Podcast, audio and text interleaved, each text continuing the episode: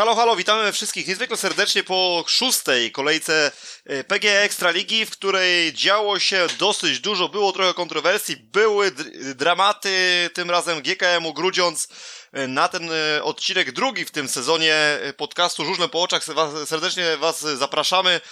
Jestem Wiktor, a moim dzisiejszym współtowarzyszącym w tym programie jest dzisiaj Damian. Witaj Damianie. Witam, witam serdecznie wszystkich. To co, zaczniemy Damianie od y, meczu zgodnie z chronologią, czyli od tych y, meczów piątkowych. Y, tam mieliśmy starcia Włókniarza Częstochowa z GKM Grudziądz, ale to było w chronologii spotkanie numer dwa. Więc zaraz sobie o nim porozmawiamy, chociaż tam nie wiem, czy będziemy mieli wiele do, tak naprawdę do rozmowy, bo tam mieliśmy, yy, można powiedzieć, pewnego rodzaju yy, pogrom. Natomiast yy, pierwszym meczem było starcie Ostrowi z motorem Lublin i chyba zaczniemy sobie właśnie od tego spotkania, analizy tego, co się wydarzyło w miniony weekend, chociaż trzeba powiedzieć, że ten piątkowy dzień był chyba zdecydowanie mniej emocjonujący niż niedzielny, prawda? No zdecydowanie te niedzielne mecze dostarczyło wiele, wiele więcej emocji niż te piątkowe. No ale po to to robimy, żeby obawiać wszystkie mecze, więc, więc zacznijmy może właśnie tak jak mówisz od meczu Ostrów-Lublin. Dobrze, słuchaj, na samym starcie 35-55, y, czyli wynik końcowy można powiedzieć, że bez y, żadnej tak naprawdę niespodzianki. E, powiedziałbym, że tutaj Ostrów do któregoś momentu się trzymał, no ale czy tak do końca było, to nie wiem. Na pewno troszeczkę yy, pecha tam było w jednym z biegów, yy, bodajże to chyba Tomasza Gapińskiego, gdzie mieliśmy defekt na punktowanej pozycji, dobrze pamiętam? Tak, w wyścigu numer 7 oni z Berndsonem wtedy wieźli 5-1 mm, tak, parę... i to był taki, to mógł być taki punkt przełomowy, prawda? W, te, no w tym tak, meczu. Zgadza się, bo tam po siódmym biegu dalej y, widniało y, status quo, czyli 8 punktów na korzyść Lublinian. E, gdyby, gdyby Gapa dowiózł te 5-1, gdyby ten motocykl nie odmówił posłuszeństwa, wtedy zrobiłby się tylko 4 punkty i, i no mecz wtedy już można powiedzieć, że byłby na styku. Tak powiem ci, y, tak poglądając program i patrzę na Olivera Berntsona, no to taki troszeczkę styl y, hampelowy bym powiedział, czyli na zmianę 0 y, trójeczka, 0 trójeczka, 0 dwójeczka, no tylko właśnie brakowało chyba z tej stabilizacji u praktycznie wszystkich zawodników y, Ostrowi, bo jak spojrzymy na Tomka Gapińskiego, no to nic z tego, niż z tego defektu to też dwie, dwój, y, dwie dwójki 0, dwie dwójki 0, y, Chris Holder 3, 0, 3, 1, 2, 0, 2, no tak żaden zawodnik nie był taki na tyle stabilny, żeby co bieg wozić chociaż, chociaż dwójkę, no i to jest chyba ten główna przyczyna, że nie znaleźli Ostrowianie ostatecznie sposobu na lidera PG Ekstraligi, czyli Motor Lublin. Natomiast jeśli szukamy jakiegoś pozytywu w tym spotkaniu, no to chyba zwycięstwo w biegu młodzieżowym Jakuba Krawczaka na tak mocną parę jak Wiktor Lampard i Mateusz Czerniak, prawda? Y, zgadza się. Jeżeli chodzi o występ Kuby Krawczyka w biegu juniorskim, to y, sam byłem pod ogromnym wrażeniem. Eee, ja obserwowałem, znaczy generalnie para ostrowska y, juniorska na ten moment wydaje mi się delikatnie zawodzi, bo E, być może ten balonik był za dużo trochę napompowany, jeżeli chodzi o Sebastiana Szostaka, Kubę Krawczyka i Kubę Pocztę, bo, bo, bo Kuba Poczta też zdążył już zadebiutować w Ekstralidze. E, ale generalnie myślę, że... I Kacper Żelaka jeszcze. I Kacper Grzelak też, zgadza się. Generalnie y, może, może to był ten moment przełomowy, może to był ten moment, w którym coś ruszy. No, y, a propos y, seniorskich pozycji w, w klubie Ostrowa, to tak jak mówisz, masz absolutną rację, bo y, każdemu zdarzały się wpadki. Chris Holder zrobił 2-0 i Tomasz Gapiński 2-0, oczywiście z tym jednym defektem. Oliver Bertson 3-0. Y, przede wszystkim brakuje zwycięstw, brakuje zwycięstw w, Ostrowie, dlatego te mecze kończą się zazwyczaj właśnie w granicach 20 punktów do tyłu, że tak powiem, na korzyść drużyny przeciwnej. No a w Lublinie co? W Lublinie można powiedzieć, że. Yy... Kolektyw. Kolektyw, zdecydowanie tak. Zresztą mamy 10 do 5, jeżeli chodzi w trójkach, tak szybko licząc. Tak, 10 do 5 w trójkach, ale przede wszystkim były też zwycięstwa i 5-1 i dużo zwycięstw 4 do 2 w Lublinie. No i przede wszystkim ten fantastyczny Jarosław Hampel, który odmęczył w Toruniu. No, powiem szczerze, że jestem pełen podziwu, bo to jest całkiem inny Jarek Hampel niż, niż ten e, z początku tego sezonu, czy z zeszłego sezonu.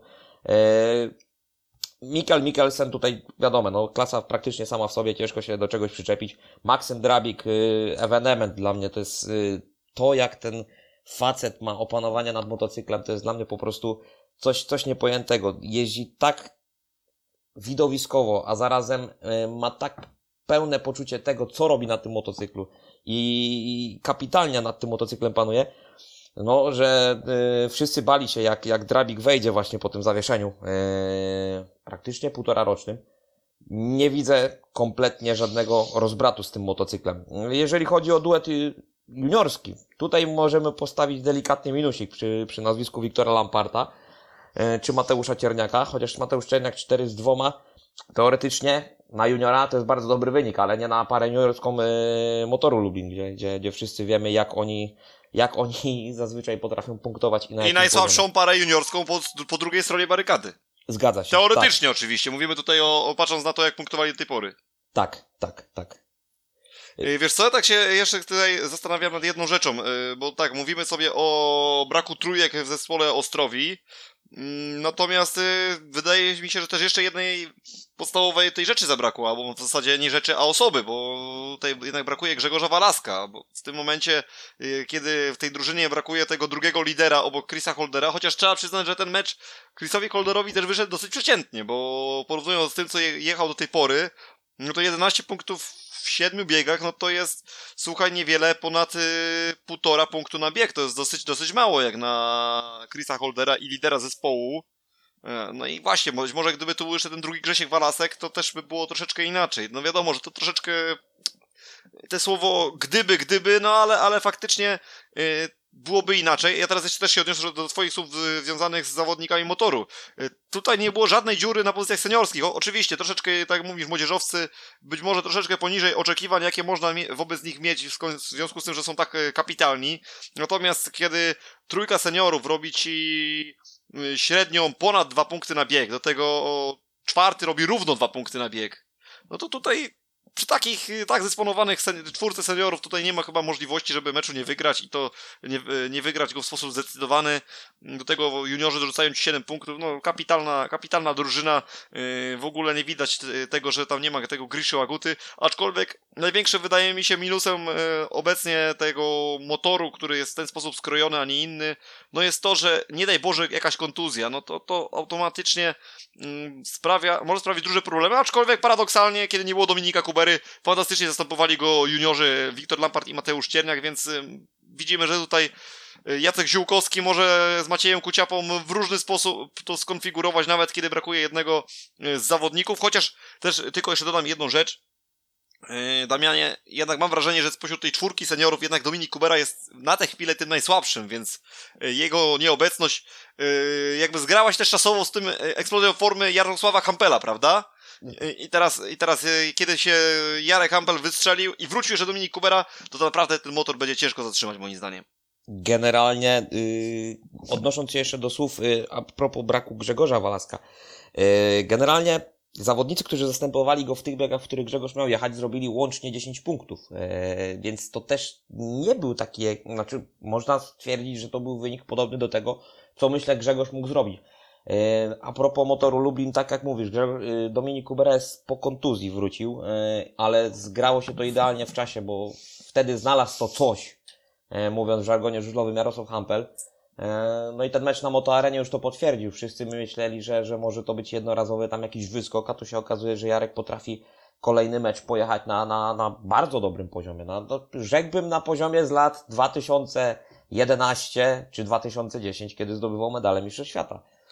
No tak, to już jest ta forma Jarka Kapela, chociaż jeszcze aż tak bym nie przesadzał, nie szalał z tym, co mówisz, bo przecież Jarek w tych swoich najlepszych latach ligowych, yy, kiedy tutaj na, wyjeżdżał na tory, na tory w Polsce, no to powiem Ci szczerze, że przynajmniej jak jeździł w Falubacie Zielona Góra i kiedy był wtedy najlepszym zawodnikiem, najskuteczniejszym zawodnikiem PGA Ekstraligi, y, no to wtedy były raczej mecze takie, że Jarek zrobił same trójki i tam nie było w ogóle podjazdu najmniejszego y, po wyjeździe z pierwszego wirażu, więc y, tutaj jeszcze może to nie jest aż taka dyspozycja, ale zdecydowanie przypomina o ta form, w tej formie Jarek przypomina bardziej tamtego Jarka niż tego mm, powiedzmy z poprzedniego sezonu czy początku rozgrywek z tego roku. A jeszcze tylko chcę wrócić y, słówkiem do Sebastiana Szostaka, bo ja generalnie przed tym y, sezonem byłem ogromnym fanem jego talentu i, i generalnie byłem przekonany, że to jest chłopak, który tutaj może być y, fajnym objawieniem tej PG Ekstraligi. Tymczasem jest tak, jak mówisz, coś, coś tam nie zagrało, być może troszeczkę brakowało chłodnej głowy, być może zabrakło też jakiegoś psychologa w zespole Arget Malesy Ostrowy Wielkopolski, bo no bo jak to inaczej wytłumaczyć, że z tak dobrze radzącego sobie na pierwszoligowych torach Sebastiana Szostaka jest zawodnik, który wozi praktycznie same zera. Sebastian Szostak też miał jakieś tam problemy zdrowotne i o tym też należy wspomnieć, ale e, te problemy zdrowotne przytrafiły mu się teraz dosłownie po trzeciej czy czwartej kolejce bodajże. Od początku sezonu e, nie wiem, czy być może ci właśnie tak jak mówisz, zabrakło jakiegoś psychologa, bo, bo, bo jednak internet w dzisiejszych czasach jest, nie wybacza żadnych błędów i wszyscy, wszyscy widzą, co się pisze. Być może ten medialny balonik pompowany na juniorów z Ostrowa, będą przede, przede wszystkim e, przed, e, przed sezonem. Wiadomo, że to są tylko czyste dywagacje, ale dużo osób obstawiało, że Ostrów, znaczy ja nie chcę nic odbierać, bo to jest dopiero szósta kolejka, ale wiemy wszyscy, jak to się do tej pory rozgrywa. Ostrów jeszcze nigdy nie, nie, nie zrobił nigdzie 40 punktów, ani u siebie, ani na wyjeździe. E, być może zrobiłby to w meczu z Częstochową, gdzie, gdzie tam zaczęli gonić wynik, ale oczywiście wiadomo, opady deszczu i ten mecz przerwany. E, ale generalnie nawiązując do meritum i do, do juniorów ostrowskich, no to być może mm, faktycznie tego, tego psychologa gdzieś tam dla tej młodzieży zabrakło, bo, bo myślę, że Mariusz Staszewski i generalnie e, otacza tych chłopaków taką opieką. Zresztą to Sebastian Szostak powiedział w wywiadzie, że on e, Mariusza Staszewskiego traktuje dosłownie jak ojca. E, więc tutaj, jeżeli chodzi o e, relacje na linii trener-zawodniczy czy trener młodzieżowcy, nie, nie wyciągałbym jakichś tam pochopnych wniosków, dlaczego ta forma akurat jest tak słaba. Wydaje mi się, że to po prostu czysta głowa, czy, czyste, czysta głowa i, i może będzie lepiej. Oby było lepiej, bo Dużo osób mówiło przed sezonem, że Grudziądz y, spadnie kosztem Ostrowa właśnie dlatego, że Ostrów ma zdecydowanie lepszą parę juniorską. No w tym sezonie akurat nie potwierdza się to, to, to większość osób przewidywała. A może właśnie te jednak doświadczenia ekstraligowe jest tutaj górą, jeśli chodzi o duety młodzieżowe na korzyść właśnie GKM-u Grudziądz, bo tam jednak e, Kasper Pluldra to jest jednak zawodnik, który w zeszłym roku no, miał okazję troszeczkę się pościgać na torach ekstraligowych. E, no podobnie pozostali młodzieżowcy GKM-u, no z większym powiedzmy, większą częstotliwością lub mniejszą, no ale generalnie każdy z nich na tych, w tej ekstralidze się już przetarł, a to jednak są zawodnicy, yy, czy Sebastian Szostak, czy Jakub Krawczyk, się nie mylę, obaj są chyba 18-latkami, na pewno Sebastian. Yy, I oni generalnie cały czas, można powiedzieć, raczkują w tej PG Ekstralidze, prawda? Dosłownie można powiedzieć, że, że yy, raczkują. No, sześć meczów odjechali do tej pory, ale to jest Generalnie my możemy tylko e, przewidywać i antycypować, jaka jest faktycznie różnica między pierwszą ligą a ekstraligą, ale, no ale widać to gołym okiem, gdzieś to, gdzieś to tutaj nie jedzie. No, Sebastian Szostak na ten moment y, dla mnie y, to jest takie chyba największe zaskoczenie i minus, y, w, w, jeżeli chodzi o Ostrowie. A propos wieku, Sebastian Szostak rok 2003, y, Jakub Krapczyk rok 2004. To są chłopaki, które na pewno jeszcze, jestem święcie przekonany, zaistnieją w Speedwayu. Być może to wszystko za szybko się potoczyło, ten awans Ostrowa. Yy, fakt faktem ci juniorzy w zeszłym roku robili kapitalną robotę na zapleczu Ekstraligi. Więc ciężko jest mi też powiedzieć yy, dokładnie, co tam nie, co tam nie idzie. Yy, nie wiem, naprawdę nie wiem, e, co jeszcze można by tutaj szukać i jakich przyczyn właśnie tej słabszej formy juniorów. Być może to jest takie światełko w tunelu i też dla innych, i dla Kuby Poczty, dla Kacpra Grzelaka i przede wszystkim dla Sebastiana Szostaka, że można wygrywać z juniorami, topowymi juniorami Ekstraligi, co pokazał właśnie Kuba Krawczyk w tym wyścigu, gdzie umiejętnie odpierał i bronił, e, bronił się i odpierał ataki mm, drużyny e, Motoru Lubin. Ja tak się, powiem Ci, tutaj już bym, będę kończył pastwić się tutaj nad tymi juniorami z Ostrowa.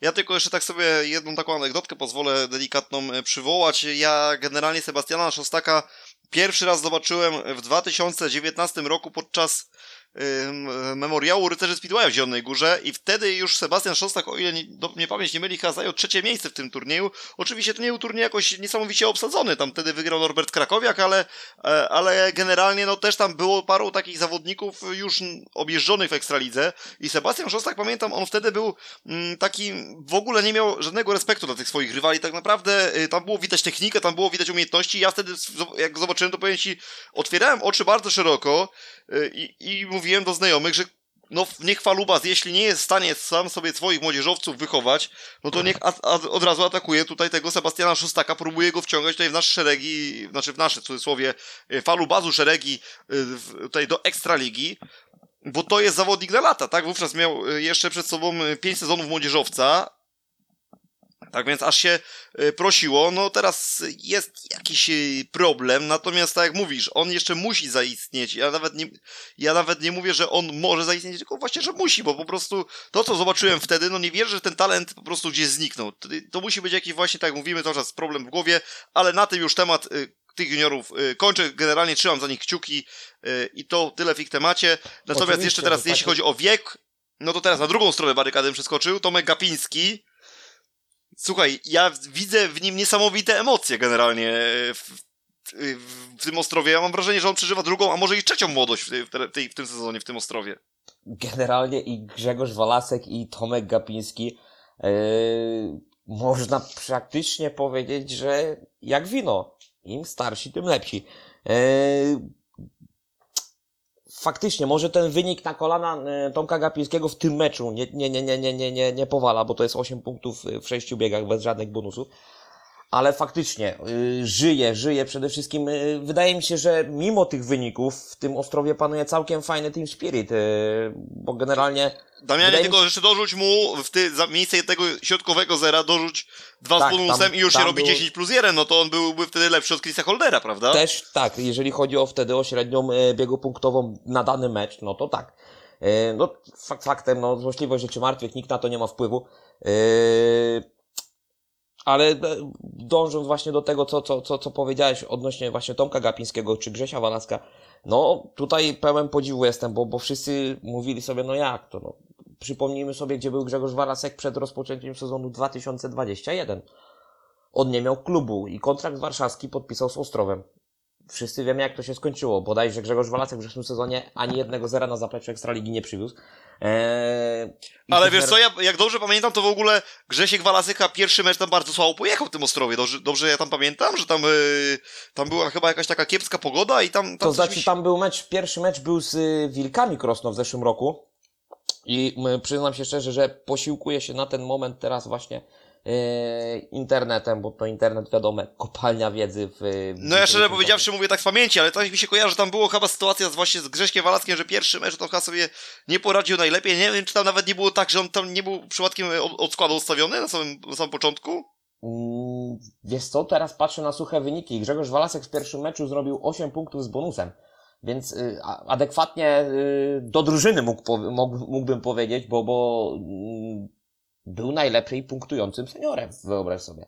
Tomasz Gapiński 8, Nikolaj Klin wtedy 7 z bonusem, Patryk Hansen zaskoczył, bo tam było 9 z 3, E, ale generalnie Celfa z Wiski Krosno wtedy, wtedy ten mecz wyrwały na samym końcu, 44-46, ale y, być może, być może faktycznie było coś takiego. Nie chcę teraz tutaj zdecydowanie się... Wiesz co, może być, że ja może mylę sezon i drużynę, ale, ale tak mi się coś kojarzyło, że on 2000, czy to był 2000, może 20 rok, już nie pamiętam, w każdym razie mm, no cieszy, że zawodnicy w pewnym sensie mnie to cieszy, że jednak ci zawodnicy troszeczkę wyciągają ze swojej kariery, bo patrząc, to rozmawialiśmy tydzień temu, że niewiele widać tych takich perełek, które mogłyby ich godnie zastąpić, no to trzeba się troszeczkę cieszyć, no bo jednak chcielibyśmy oglądać ten żużel na najwyższym poziomie, prawda? Teraz w sytuacji, w której byśmy puszczali tam zawodników słabszych, no to wiemy, że no różnego rodzaju akcje, manewry na torze, kiedy któryś z nich byłby za plecami rywali, no, no byłyby dużo mniej prawdopodobne niż, niż jednak ci starsi, ale jednak y, zawodnicy z dużo większymi umiejętnościami. Tak, y, to zdecydowanie. Y, ja się cieszę, że też to, co powiedziałeś, że ci starsi, no, oczywiście nikomu nie, nie będziemy patrzeć tutaj w PESEL, ile lat ma Grzegorz Walasek i Tomasz Gapiński pewnie każdy szanujący się kibic żużla wie, ale y, ja się cieszę, że oni nie popuszczają, że to jest, to jest tak jak swego czasu właśnie y, wspomnieliśmy o, w zeszłym tygodniu o Piotru Protasiewiczu, o Tomaszu Golobie, o Gregu Hancocku, że oni potrafili, nawet będąc już u schyłku swojej kariery, dalej rywalizować na poziomie ekstraligowym z bardzo dobrym skutkiem. Greg Hancock bodajże w wieku y, 46 lat został mistrzem świata, więc no, no, no tutaj szapoba przede wszystkim bardzo duży dla Grega. Ale tutaj już wracając do, właśnie tak jak mówimy, y, i Ost Ostrów, myślę, że to jest żeby nie Grzegorz Walasek w tym sezonie, do momentu kontuzji, to ten Ostrów yy, i Chris Holder oczywiście, bo to były takie dwa główne motory napędowe Ostrowian. No ciężko, ciężko by tam było, z, mimo że żadnym meczu do 40 punktów nie dobili, to akurat biegi z udziałem Grześka czy, czy Chrisa oglądało się bardzo przyjemnie, ale Tomek Gapiński też nie odstaje zbyt bardzo od tych dwóch zawodników. Yy, też jego, jego, jego, być może ten styl na motocyklu, ta, ta sylwetka na motocyklu Tomasza Kapińskiego nie wszystkim pasuje do gustu, no bo jest tak delikatna, delikatnie sztywna, patrząc do tego, co Grzegorz Walasek potrafi w wieku, wszyscy wiemy, jakim są zrobić. Yy, jest delikatnie sztywna, ale, ale to dziś procentuje. Yy, ja się bardzo cieszę, że, że yy, przede wszystkim Tomek Gapiński też dużo podkreśla, jak wielką robotę robi pan Garcarek w Ostrowie, tak? czyli sponsor y, tutaj y, zawodników z Ostrowa, który, który te silniki im uży, y, przede wszystkim praktycznie kupuje, sponsoruje silniki od Ryszarda Kowalskiego. Te fury jadą, a wiadomo, jak fura jedzie, no to i wyniki lepsze. No, natomiast ja tak patrzę, obserwuję, to nie, niekoniecznie, wszędzie, nie, niekoniecznie wszędzie w tym roku te jednostki od pana Kowalskiego tak dobrze jadą. No przecież yy, chyba kto, kto, kto to był taką ofiarą teraz? Y, czy przypadkiem Jarek Campbell też nie, odstawia, nie odstawił w kąt? Y, tak, Jarek Campbell przecież też Jarek odstawił Campbell w kąt y, silniki pana Kowalskiego. Oczywiście nie mógł y, oficjalnie i bezpośrednio ich skrytykować, bo powiedział, że są świetne jednostki w dalszym ciągu, ale, ale niekoniecznie jemu pasują. No i, i chyba teraz przeskoczył na Fleminga Graversena, jak dobrze kojarzę, prawda? Jarek Campbell. Tak, Jarek jeździ teraz na Flemingu i, i, ta, ta akurat tutaj paradoksalnie już też czytałem właśnie odnośnie pana Ryszarda Kowalskiego, że najlepszy tuner świata być może jakąś bolączkę ma. No, nie widać tego na przykład po Bartku z Marzliku, tak? Czy, czy tam po, po, po Maćku Janowskim, bo Maciej tak... No, myślę, że Bartkowi byś 250 wrzucił y, pod tyłek i tak byś tego nie zauważył. być, może, być może tak, być może tak by było. Y, ale generalnie wracając do meritum, no tutaj y, jakiś może delikatny problem u pana Ryszarda jest. Ale to też ja staram się dalej rozmawiać, bo, bo, bo generalnie kibiców żużla, którzy, którzy z tym żużlem są tylko wynikami, bardzo łatwo idzie rozpoznać. I, i jeżeli ktoś twierdzi, że e, no jak, masz, masz silnik od najlepszego tunera świata i robisz trzy punkty. No słuchaj, no to nie na tym rzecz polega, tak? I ja to się staram zawsze tłumaczyć i nawet w pracy u siebie w Poznaniu ludzi, którzy tym żużlem dopiero się zaczynają interesować, mówią mi, słuchaj Damian, jak to jest? Ja mówię, przede wszystkim, Tuner ma ogromne znaczenie, oczywiście, że nie, ja się zgadzam z tym, ale yy, tu przede wszystkim dopasowanie tego sprzętu pod siebie, pod daną osobę. Warunki na torze też się zmieniają co bieg. Musisz na te warunki reagować. To nie jest tak, że wrzucisz motocykl i nic nie będziesz z nim robił, on ci pojedzie zrobi 15 punktów w meczu, no więc... Ale słuchaj, to dlatego też jest o tyle fajne, bo yy, do tej pory, w tym, przynajmniej w zeszłym sezonie mieliśmy dominację dosłownie yy, użytkowników yy, pana, silników pana Ryszarda Kowalskiego nad innymi, to może nawet dobrze dla dyscypliny, że yy, tak troszeczkę oczywiście nikt, nie, nikt się nie obrazi, kto jest fanem yy, silniku pana Kowalskiego, czy, czy, czy jego pracy. Natomiast to myślę, że dla środowiska to może i lepiej, że troszeczkę teraz one, niektóre, niektórym zawodnikom tej jednostki tak nie jadą. No bo z automatu daje szansę innym tutaj tunerom z rynku, aby gdzieś tam znowu się odnaleźć. Szczególnie, że ten rynek tunerów, o tym już też w zeszłym sezonie naszego podcastu rozmawialiśmy, nie jest jakiś szczególnie szeroki i, i może to właśnie dobrze, że nie ma tak, że, że pan Ryszard być może jeszcze bardziej teraz nie wyskoczył ponad resztę, nie, nie zdobył jakiegoś monopolu na te, na te silniki i, i w dalszym ciągu jest jakaś rywalizacja na tym polu, prawda? Tak, ja tutaj y, a propos tunerów od razu rzuca mi się rok bodajże 2018 i Freddy Lindgren jeżdżący na motocyklach, na silnikach Marcela Gerharda. Wszyscy się łapali za głowę, co, co, co ten Lindgren tam szuka, a pamiętamy, że 2018 rok był Fast Freddy y, w lidze.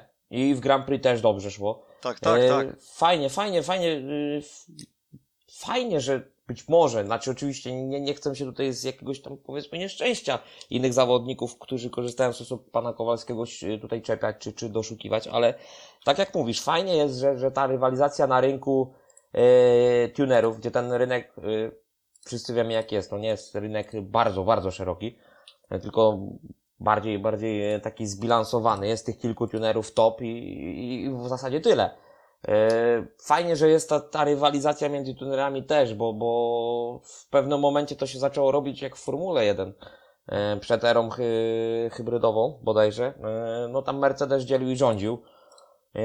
I, i, I tak to mniej więcej wyglądało w zeszłym sezonie, czy dwa lata temu, czy trzy lata temu w Grand Prix, jeżeli chodzi o zawodników, którzy dosiadali jednostki napędowe od y, pana Ryszarda Kowalskiego. Ja tylko jeszcze dwa słowa y, i y, powiem na temat y, dwóch zawodników motoru Lublin. Ja myślę, że naprawdę Damianie przejdziemy już do kolejnego spotkania, gdyż czas y, naprawdę bardzo szybko leci. Y, Chcę tylko powiedzieć tak, Mikkel Mikkelsen dołącza się do tego, co mówisz, klasa sama w sobie, sama w sobie i tu chyba za bardzo nie ma co analizować. No jest po prostu gość w kapitalnej formie.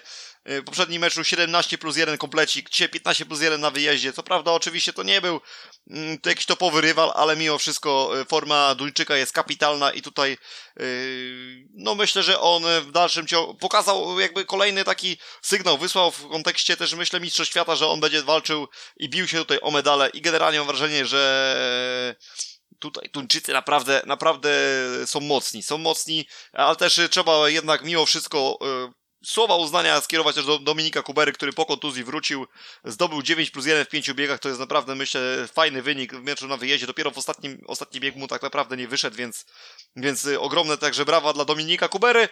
I, słuchaj, i tutaj ja bym postawił, powiem ci, ścianę. za- Ja bym tylko chciał jeszcze dodać coś do tego meczu. Oczywiście.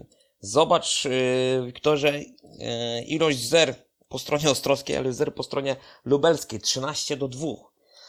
Więc yy, tutaj trójkami jeszcze jakoś ten ewentualnie 10-5 to tak źle nie wygląda, ale 13-2 no to już jest tutaj pogrom, więc widać, że motor biegów nie przegrywał w tym spotkaniu. No i tak jak mówisz, 35-55 co więcej powiedzieć, motor jest naprawdę w kapitalnej formie i ciężko, ciężko gdzieś tutaj szukać y, jakichś tam delikatnych y, osłabień. E, co więcej mogę powiedzieć? No, drużyna kompletna na ten moment mi się wydaje, bo tutaj się wszystko zazębia idealnie, tak jak wspomniałeś już. W momencie, kiedy ktoś wypadnie, jest w stanie e, zastąpić go inny zawodnik, czy, czy na przykład Wiktor Lampard z Mateuszem Cierniakiem. I zobaczmy, Mateusz Cierniak z Wiktorem Lampartem robią raptem, bo to jest raptem 7 punktów, a cały motor robi 55 punktów, więc no kapitalna, kapitalna forma, to jest taki Wrocław zeszłego sezonu, mam wrażenie, na ten moment. Znaczy wiesz co, może jeszcze aż tak bym też nie szalał, bo wcześniejsze te mecze tego sezonu raczej motor wygrywał minimalnie dopiero, z, y, no dobra, no tam z Grudziądzem była wysoka wygrana, ale, ale cztery mecze to wiesz, to były Tak, tylko wie, bier, bierzmy pod uwagę też, że mecze na wyjeździe i zwycięstwa na, me, na wyjeździe dwoma punktami często gęsto smakują o wiele lepiej niż takie Oczywiście, że tak, oczywiście, ale tutaj jeszcze bym mówił, jeszcze nie, nie szalejmy a jakoś przesadnie, bo też myślę, że motor, no okej, wygrał faktycznie bardzo trudny wyjazd do Gorzowa, tak, wygrał... właśnie. Tak, tak, tak, tak. y, W wygrał Toruniu tru- wygrał, bez Dominika Kubery. Tak, wygrał w Toruniu bez Dominika Kubery, aczkolwiek przed nimi jeszcze są takie wyjazdy jak wyjazd do Częstochowy, tak, jest wyjazd do, y, do Wrocławia i tutaj Do Wrocławia też, tak, zgadza się. Więc, więc tutaj też jeszcze będzie się na pewno y, dużo działo, aczkolwiek y, też jeszcze trzeba dołożyć, że jeszcze wyjazd do Leszna, tak więc tutaj jeszcze będą musieli się mot zawodnicy motoru troszeczkę musieli natrudzić, ale widać, że są zdecydowanie najlepszą zespołem w tym sezonie i tutaj jakby to nie podlega jakiejkolwiek y, wątpliwości. Ja teraz też y, mówię o, też o tym, żebym tak nie przesadzał, bo przypomnij sobie, jak Wrocław potrafił zlać Zieloną Górę czy Grudziądz. No to, to już były takie pogromy, że to się nie zdarza na co dzień. No motor w tym momencie, no to jest pierwsza taka y, znacząca wygrana na wyjeździe, ale to jeszcze nie jest taka, jak je robił w zeszłym roku Wrocław, więc tam Wrocław naprawdę był mm, niesamowicie, niesamowicie silny, y, a jeśli mówimy tutaj o, o sile, no to niesamowitą siłę w piątek pokazała drużyna y, Włókniarza Częstochowa, 65-25 zwycięstwo nad Zolesz GKM Grudziądz. Damian, nie było co zbierać. Znaczy, generalnie można powiedzieć, że ten mecz y, się odbył i tyle. Dwa pełne punkty zwycięstw y, do tabeli dopisuje Włókniarz. Ja myślę tylko, że ci wejdę słowo, ja myślę, że najbardziej generalnie y, obrazuje to, co się działo w tym meczu. najbardziej to opisuje chyba obsada biegu 15, w której y, znalazł się Norbert Krakowiak, mający przed tym wyścigiem 4 punkty na koncie w 5 wyścigów. No oprócz niego mający 6 punktów w 5 biegach Przemysław Pawlicki. I to właśnie pokazuje yy, w cudzysłowie siłę Grudziądza. Jak, jak ta drużyna jest uzależniona od, od, od Nikiego Pedersena. Yy, szczerze. Oglądałem ten mecz y, z Damianem, tutaj właśnie strychałą swoją drogą. Gorące pozdrowienia w kierunku Wrocławia. Dołączam, dołączam do pozdrowień, oczywiście. Dla Damiana. E, aczkolwiek y, oglądaliśmy ten mecz razem. Nie, dwie trójki, w tym, w tym jedna trójka Krzyszka w biegu dwunastym e, na, na Kubę Miśkowiaka, gdzie wiemy, jakie Kuba też ma problemy w tym sezonie. E, no nie było czego zbierać, nie było czego zbierać. Tutaj też można powiedzieć jedno zero i jedno wykluczenie po stronie częstochowskiej. Jonas Jepesen te zero, co, co, co w sumie może nie dziwić, bo, bo wiemy, jakie Jonas Jepesen ma problemy. No, kompletny Leon Madsen, Bartosz Smektała komplet y, z bonusami. Y, ja mam troszkę żalu, może troszkę do, do, do trenera y, Włókniarza Częstochowa, że, że tylko trzy wyścigi pojechał Mateusz Świdnicki, bo ten Mateusz Świdnicki w tym sezonie, generalnie i w zeszłym i, w tym, ale w tym to już w ogóle, no, no jest prawdziwym kozakiem, jest prawdziwym kozakiem. Tam, e, to był bodajże wyścig, e, jeżeli mnie pamięć nie myli, jego druga trójka, czyli to był wyścig e, dziesiąty, jak dobrze kojarzę, e, Mateusza Świdnickiego. E, nie, przepraszam, to był, to był, to był, to był wyścig e, numer 8. To, jak on po szerokiej, e, po, na, na, na, na drugim łuku e, założył się na Fredryka Jakobsena, będąc z tyłu, E, no, poezja, poezja żużla. Mm, generalnie tym, tym manewrem zrobił też robotę wtedy dla Fredrika Lindgrena, bo ten wyścig skończył się e, rezultatem 5 do 1 dla, dla GKM-u. E, więc tutaj może ewentualnie delikatny pstryczek i kamyczek do ogródka wrzucam dla trenera Włókniarzy Częstochowa. Macie kapitalnych juniorów, macie mistrza świata juniorów Kubę Miśkowiaka, być może przyszłego mistrza świata juniorów Mateusza Świdnickiego w tym roku, kto wie. oh Szkoda, szkoda, że ten potencjał tych zawodników tylko na trzy biegi. No ale generalnie to, to, to, to wszyscy. To też inaczej źle po, po, pokazuje, bo tutaj 65-25, okej, okay, fajnie. Wiadomo, że gdyby był Niki, to skończyłoby się, podejrzewam, na, na wyniku 22, 24 punkty, podejrzewam, e, na, na, na plusie dla Częstochowy za ten mecz. E, Szkoda, szkoda, że tych juniorów tak było, tak, tak, tak, e, tak mało trener Częstochowian wypuszczał. A e, powiedz mi, Wiktorze, co sądzisz o sytuacji z biegu numer 12 między Kacprem Woryną a Krzysztofem Kasprzakiem? Widziałeś tą sytuację? Czy, czy, czy, czy nie widziałeś? Wiesz co, widziałem, widziałem, natomiast ja nie ukrywam, że widząc jak się ten mecz toczy, a byłem gdzieś tam w gronie znajomych, nie oglądałem tego aż tak aż tak dokładnie, więc możesz, możesz, jeśli miałbym się tutaj wypowiadać dokładnie, nie, to nie chcę, bo też ani nie słyszałem wypowiedzi ekspertów, ani też nie oglądałem powtórek, także może lepiej, żebyś y, ty się wypowiedział, tylko ja widziałem samą sytuację, ale, ale mówię, bez powtórek, bez niczego, nie chciałbym się tutaj jakoś wypowiadać i jakichś tutaj wyroków yy, tworzyć. Znaczy, bo to generalnie na przeciwlewej prostej na pierwszym łuku, na pierwszym okrążeniu doszło do kontaktu między y, Kasprem właśnie Woryną a Krzyśkiem Kasprzakiem. E, Krzysiek Kasprzak dojeżdżał do tej bandy, Kasper Woryna był z tyłu. E, nie było tam generalnie Krzysiek był z przodu, ewentualnie mógł tylko słyszeć. Na pewno nie widział, bo, bo, bo, bo oglądałem powtórki, nie oglądał się, e, że tak powiem, za siebie. No, dla mnie to jest taka sytuacja, że szkoda, że nie istnieje ten przepis, ale to żeśmy gadali w zeszłym tygodniu jeszcze właśnie z panem Szymonem, że być może gdyby ten przepis istniał, że na drugim, na trzecim okrążeniu, jeżeli jest stykowa sytuacja i, i można byłoby to puścić czterech, to sędziowie e, nadużywaliby tej, tego przywileju. E, dla mnie to jest taka sytuacja, no Krzychu wiadomo, dojeżdżał, e, Kasper pod tą bandą już był, gdzieś tam się szczepili, wypadek wyglądał strasznie niebezpiecznie, więc e, tutaj ja się cieszę, że obydwoje wstali, wyszli z tego cało i kontynuowali zawody. Ale też e, paradoks najlepszej żużlowej Ligi Świata polega na tym, że Kasper Woryna może zostać ukarany karą finansową. Nie wiem, czy czytałeś. Tak, to, że- czytałem, czytałem, za to, że poszedł do Krzyśka Kasprzaka. Tak, i, i generalnie to nie było pójście na zasadzie e, wyjaśnijmy sobie to powiedzmy w e, Po mało męsku. kulturalny sposób i po męsku, tylko to było normalne przybicie piątki i, i przekazanie, e, pokazanie torowej sytuacji, tak? Jak, jak to wyglądało. Tam nikt do nikogo pretensji nie miał. Tylko nie wiem, czy zwrócić uwagę, tam może być to zakończone tym upomnieniem i ja myślę, że tak właśnie się zakończy ta cała sytuacja. A dla mnie, powiem Ci, nawet upomnienie to jest za dużo. No, to jest najlepsza No tak, tylko z drugiej strony, no to po co jest ten regulamin, jeśli my będziemy zawsze, wiesz, yy, szukali sytuacji, że można jakieś odstępstwo zrobić. Oczywiście, no tutaj ja się zgadzam w 100%, że tutaj nie ma w ogóle podstaw do karania Kaspra Woryny, bo to nie było yy, jakiej, nie było w tym nic złego, a nawet więcej, ja bym powiedział, że to nawet było dobre, pozytywne zachowanie, że, że jeśli Oczywiście, że że tak. chciał Przede tutaj... wszystkim y, szanujmy siebie nawzajem na torze. Możemy powalczyć czysto i po męsku na torze, ale po, poza torem możemy być yy, znajomymi, tak?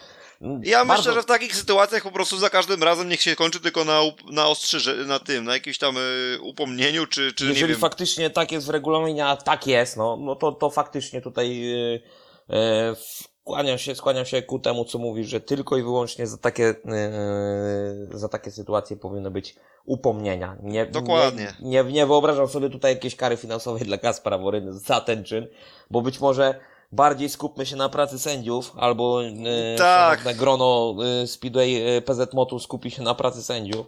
Damian, nie- słuchaj, ja ci powiem tak, ja tu powiem tak, ja te, te, te, to, co się dzieje w tym sezonie i te decyzje arbitrów, yy, no naprawdę, To jest chyba temat na osobny podcast, co? to Typowo- jest ogółem bardzo, bardzo ciężki, przykry temat, bo naprawdę jak rozumiem, że często były jakieś takie sytuacje, wiesz, kontrowersyjne, że, że 60, że 70 na 30 powiedzmy w jedną stronę sędzia da, da, da, podjął decyzję tam, gdzie było te 30% yy, winy, tak teraz yy, w tym sezonie są takie czasami decyzje absurdalne podejmowane, o której je- jeden z nich dzisiaj na pewno będziemy mówić, a nawet może i o dwóch.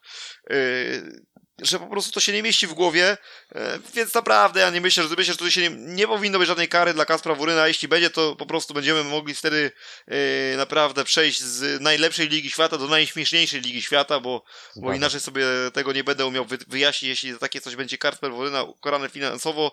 Myślę, że nie będzie, myślę, że jednak e, gdzieś w sytuacji, kiedy jest trochę więcej czasu do namysłu i gdzieś te chłodne głowy tych naszych włodarzy żużlowych będą, będą mogli, mogli troszeczkę dłużej pomyśleć o tym wszystkim, to myślę, że nie będzie aż takiej, tak, takiej głupoty i, i skończy się tylko na upomnieniu.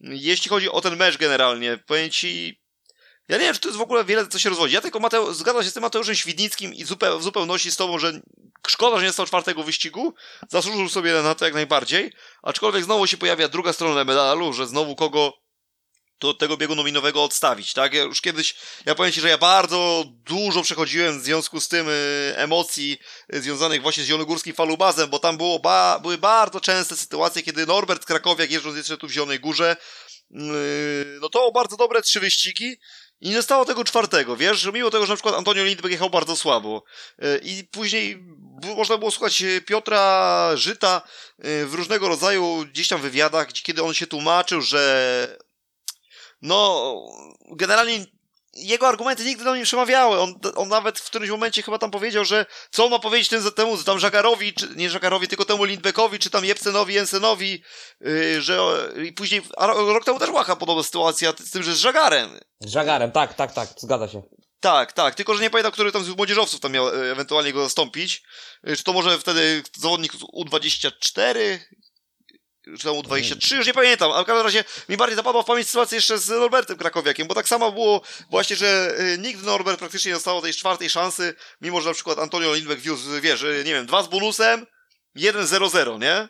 Tak, tak, tak. No Czy tutaj... dwa z bonusem 1-0, a, a Norbert na przykład miał, wiesz, tendencję zwyżkową, że miał na przykład jeden z bonusem 2, y, dwa i 3 na przykład. Tak strzelał Ale- zupełnie. I, I on nie Ja- dostał tej trzeciej, nigdy tej, tej czwartej szansy. E, Piotrek Żyton naprawdę nigdy tego nie umiał argumentować. Zresztą sam teraz kojarzysz chyba właśnie sytuację z Matejem Żegara Tak, z zeszłego tak, roku, tak, że też tak. tego nie potrafił argumentować. I tutaj Ja wiem, myślę, że... tam y, Mateusz Tonder nie miał przy, przypadkiem go zastąpić. No możliwe Właśnie że to chyba, że to nie był 24. właśnie młodzieżowiec, bo tak nie kojarzę, żeby to raczej junior w Zielonej Górze miał aż tak, Mhm. zanotował aż tak dobry występ, żeby zasłużyć na czwartą szansę. No i tu myślę, że tutaj też podob- zabra- mogło zabraknąć też tej, tych, tak, tych tak zwanych jaj, wiesz, żeby, Ja myślę, że tutaj e, można było zostawić Leona Macena na ten w 15 biegu, bo Leon Macen, wszyscy wiemy jak on w Częstochowie jeździ. Facet, do, facet w Częstochowie jest praktycznie niełapalny, a jeżeli ktoś go łapie, to, to można policzyć na palcach jednej ręki i tutaj skłaniałbym się ku y, zostawieniu Leona, a myślę, że ale Leon też jest dosyć yy, takim ciekawym charakterem żużlowym. Na pewno jakieś tam, być może jakieś e, scysje by były, być może trener uznał, że, że, że, że pójdzie po takiej cienkiej linii oporu i, i, i nie będzie tutaj wprowadzał jakiegoś niepotrzebnego zamieszania, aczkolwiek no, ja jestem Polakiem, będę za tym, żeby jak najwięcej jeździli polscy młodzieżowcy, no. No, a ja jestem po prostu za tym, żeby trenerzy mieli jaja, wiesz, i nie bali się zmienić y, seniora z jednej strony, kiedy po prostu trzeba dać się trochę objechać albo dać jakąś nagrodę temu zawodnikowi młodzieżowemu, No bo gdzie nie, jak nie w takim meczu, nie? no dokładnie, szczególnie, że zdo- zdobył komplet punktów, no to ja jakby, ja nie widzę podstaw, żeby stwierdzić, że on pojedzie gorzej. Tak, tak, tak. I tutaj przede wszystkim to nie było tylko i wyłącznie e, starty w przypadku Mateusza Świdnickiego, tylko to było umiejętne rozgrywanie wyścigu na dystansie czterech okrążeń. E, Ty mi tutaj, e, Wiktorze, powiedziałeś e, jedną ciekawą rzecz, że, że tutaj nie chciałby, żeby właśnie trenerzy mieli jaja. A ja powiem Ci mm, jedną taką sytuację. Mm, Mateusz Świdnicki w meczu z Wrocławiem pojechał nagle pięć wyścigów, bo po jedynce, po, po jedynce mm, w swoim pierwszym starcie Jonas Jeppesen został całkowicie odstawiony. Tam tłumaczyli się, y, tłumaczył się Lech Kędziora, że, że, że tutaj y, jakieś problemy zdrowotne Jona, Jonasa Jeppesena. Jonas całkowicie temu zwy, za, z, y, tym słowom, że tak powiem, e, zaprzeczył, więc być może to był to była do, to był gest jakiejś tam może pojednania, wyciągnięcia ręki w kierunku relacji Kędziora Jonas Jeppesen, skoro w ostatnim meczu u siebie na torze mm, po, po pojedynce i to nie pojedynce zrobionej na swoim zawodniku, tylko na rywalu, e, Jonas zostaje odstawiony. E, Być może tutaj Lech Kędziora chciał w jakiś sposób, w cudzysłowie, zaplusować u, Jonasa i stwierdził, no dobra, no, no ten mecz wiadomo, no dwa bonus, tutaj też Jonasowi się zdarzyła, zdarzył, zdarzyła się śliwka bodajże, tak, tak, dokładnie. Zdarzyła mu się śliwka w tym meczu, w e, drugim bodajże starcie. E, więc może stwierdził Lech Kędziora, no dobra, ja ciebie, ja ciebie zbuduję, dam ci szansę.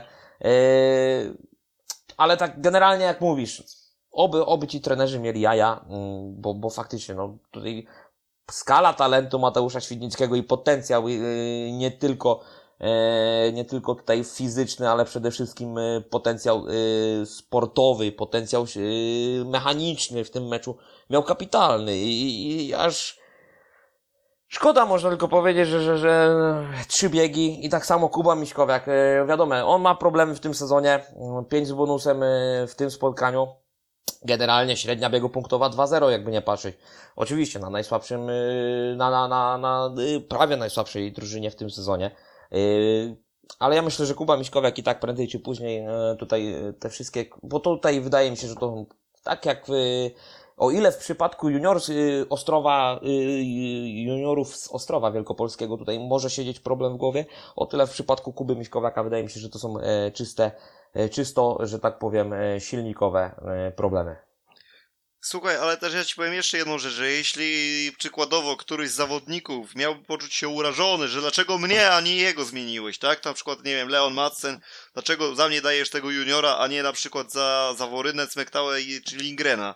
No to słuchaj, to można zrobić wtedy w ten sposób, że po prostu w tym meczu jadą sobie po pięć biegów yy, ci juniorzy, a seniorzy jadą po cztery. Po cztery. I nie ma wszyscy- problemu wtedy, tak. Nikt nie jest pokrzywdzony. Ja myślę, że oni wcale by jakoś tak wyniku mm, drastycznie nie popsuli. Świdnicki, Miśkowiak dostając po dwa dodatkowe biegi. No słuchaj, w najgorszym wypadku by się skończyło 60-30, no to też chyba yy, nikt w tej Częstochowie nie, nie myśli o tym, że oni pojadą do Grudziądza i 30 punktów jest zrobione. Znaczy Myślę, wtedy, do... wtedy, wtedy byśmy mówili bardziej może o nie o demolce, nie? No, ale to... Jeżeli Myślę, że to nie ma 30, a żadnego większego 40 znaczenia, na a myślę, że jeszcze yy, Częstochowska księgowa by przyklasnęła takiemu pomysłowi. A, to, to zdecydowanie. No, jeżeli chodzi, wszyscy wiemy, w jakich czasach żyjemy, więc tutaj Ja myślę też, że Świdnicki czy Miśkowiak mają też inną stawkę, podejrzewamy, punktową O, niż, niż Metzen czy, czy Smektała. Chociaż przede wszystkim nie wiem jak z Kubą Miśkowiakiem, ale wydaje mi się, że Mateusz Świdnicki jest dalej na kontrakcie amatorskim. Bo, bo zazwyczaj tak się robi, że juniorzy zazwyczaj kontrakt amatorski wypełniają do końca, mm, do końca wieku juniora. Nie wiem jak to jest z Kubą Miśkowiakiem, bo wiadomo, że facet też jest nieprzeciętny, nieprzeciętnie obdarowany od, od, od Bozi talentem, więc być może on jeździ już na zawodowstwie, ale wydaje mi się, że Mateusz Świdnicki jest na, na kontrakcie amatorskim, więc tutaj te punkty oczywiście, nawet jakaś tam trójka w przypadku e, Mateusza Świdnickiego, a, a trójka w przypadku Leona Macena, no to nie mamy o czym mówić, jeżeli chodzi o stawkę finansową. Ja się o tak odważną tezę nie postaram, dlatego nie będę tutaj się wypowiadał w tej kwestii. Ja tylko jeszcze tak się chciałem jedną rzecz cię zapytać na koniec. Czy dziś, czy w dzisiejszy GKM Grudziądz, twoim zdaniem, gdyby pojechał do Ostrowi Ostrów, czy on by tam ten mecz wygrał, twoim zdaniem? Bez nikogo Pedersena, nie. A z Nikim Pedersenem, ale w tej formie pozostałych zawodników i oczywiście z Walackiem w Ostrowie? Myślę, że tak, bo, bo Niki to jest jednak e, no, bez, bez tej kontuzji z Nikim Pedersenem e, Grudziądz, a bez Nikiego Pedersena wszyscy wiemy jak to się dzieje. Niki Pedersen e, też ewenement, no dla mnie facet ma 45 lat, ma trzykrotne, trzykrotnego mistrza świata, dwa sezony z rzędu, a, przede wszystkim to sezon 2008, gdzie, gdzie, gdzie on bodajże nie, w każdym finale chyba był, jak dobrze pamiętam, tam wygrał z miażdżącą przewagą tą e, klasyfikację generalną e, cyklu Grand Prix 2008. Mm, facet w 2017 roku nieprzyjemny upadek z Ni- Nilsem Christianem Iversenem w, w, w lidze duńskiej lub szwedzkiej, już teraz dokładnie nie pamiętam. Wszyscy się zastanawiali, czy, czy, czy wróci. Facet wrócił i, i robi takie wyniki, że można tylko wstać i bić brawo. Bo, bo, bo to jest kolejny z tych zawodników, którego, mm, którego za niedługo prawdopodobnie zabraknie już. No. No, Niki oczywiście twierdzi, że dopóki będzie wstawał e, z dnia na dzień i stwierdzi, że, że, że chce mu się to robić, to on to będzie robił. Ale na ten moment Niki Pedersen ma trzecią e, średnią w lidze. Dla porównania najlepszy Chris Holder ma teraz, o wiadomo, ta średnia Chrisa Holdera teraz spadła po tym meczu. E, dziewiątą. E, myślę, że mimo wszystko o, jeżeli ten mecz odbyłby się w tych składach i, i nawet bez Grzegorza Walaska, to myślę, że tam e, bez Grzegorza Walaska Ostrów spokojnie poradziłby sobie z Grudziądzem, który był bez nikogo Pedersena, aczkolwiek myślę, że w e, pełnych składach to dalej e, według mnie, według moich tutaj uznań, mm, akcje Grudziądza stałyby wyżej w tym meczu niż akcje Ostrowa. I takim pozytywnym akcentem myślę zakończymy ten pojedynek drużyny z Częstochowy z drużyną z Grudziądza. Przypomnijmy 65-25 wygrała ekipa z pod Jasnej Góry. E, No i właśnie ten pozytywny akcent w postaci e, przewidywanego przez Damiana zwycięstwa w dalszym ciągu drużyny z Grudziądza w Ostrowie, gdyby taki mecz się miał odbyć dzisiaj, a więc tym pozytywnym akcentem że- żegna- żegnamy się z tym meczem, a w końcu zaczynamy ten prawdziwy creme de la creme e, związany z PGA Ekstraligą, który mieliśmy okazję obejrzeć e, w PGA Ekstralidze i w końcu Kanał Plus trafił z doborem meczów, które transmitują tak. y, że trafili w 100% y, emocji nie brakowało. Powiedzmy sobie szczerze, że tutaj w, najpierw na Smoczyku w Lesznie duże emocje, dużo kontrowersji. Może nie dużo liczbowo, ale przynajmniej jedna kontrowersja, która miała tam miejsce, myślę, że rozgrzała kibiców na tyle mocno, że mo- można byłoby z tej jednej kontrowersji obdzielić y, całą kolejkę, y, chociażby może nie zeszłotygodniową, ale tam powiedzmy sprzed dwóch tygodni, na pewno, y, czy sprzed kilku tygodni, na pewno któraś kolejka by się zna- znalazła taka, której cała kumulacja kontrowersji, które były w magazynie, była mniejszą kontrowersją w sumie niż ta jedna y, z Leszna. Mm, Powiedzmy sobie tak szczerze, y, czy spodziewałeś się, Damianie, że Apator Toruń przyjedzie do Leszna i zrobi tak kapitalny wynik? Kto wie, czy gdyby nie ta dziwna decyzja sędziego Krzysztofa Mejze, czy być może właśnie by dużych punktów, y, albo chociaż jednego dużego punktu Apator z Leszna nie wywiózł. Ja powiem szczerze, że gdyby nie ta kontrowersja, to ten mecz zakończyłby się e, prawdopodobnie, y, a raczej według mnie na 95%, e, żeby nie było tutaj żadnych e, jakichś niedomówień, jeżeli chodzi o liczbę 95, e, że tutaj kogoś faworyzuje, e, ale tak myślę, że, że, że na te 95% spokojnie Toruń wywiózłby dwa punkty z Leszna. Mm, Ja przyznam się szczerze, bo, bo bawię się też w typowanie mm, w eksperta mm, PG Ekstraligi i, i, w typera tutaj yy, obstawiałem 49-41 dla, dla gospodarzy. Bardzo, bardzo, bardzo fajny mecz, bardzo fajne widowisko i taki praktycznie e, taniec Janusza Kołodzieja między inny, innymi zawodnikami na torze. Nie chciałbym się też pastwić nad tym sędzią, bo, bo to wiadomo, wszyscy ci, co nas słuchali. Uprzedziłeś troszeczkę moje pytanie, bo chciałem się zapytać, czy Krzysztofa Mejzę w tym meczu możemy nazwać przekrętem, ale Ja ale- myślę, że to, ja myślę, że e, za ten, za tą kolejkę to jest e, rider kolejki według mnie, za, za, za tą rundę. E, Krzysztof Mejzer. chyba, chyba e, chciałeś powiedzieć dętka kolejki. Dętka kolejki, ale w cudzysłowie rider kolejki też. E, No tak, tak, ja się generalnie- domyślam, że to mówisz. Tak, tak, tak. Generalnie, generalnie y, tutaj wracając do, do samego meczu. Mm, przede wszystkim ja myślę, że i ja już to powtarzam od początku tego sezonu, według mnie Piotr Baron źle, te, źle, źle, źle y, ustala pary y, na, na, na dane spotkania, bo cały czas trzyma się tego y, praktycznie żelaznego, że tak powiem w cudzysłowie ustawienia, czyli w parze Doyle z Kołodziejem, y, ale okej, tutaj Jason Doyle robi tylko trzy punkty z dwoma bonusami, ale to jest wypadek przy pracy według mnie, jeżeli chodzi o Jasona.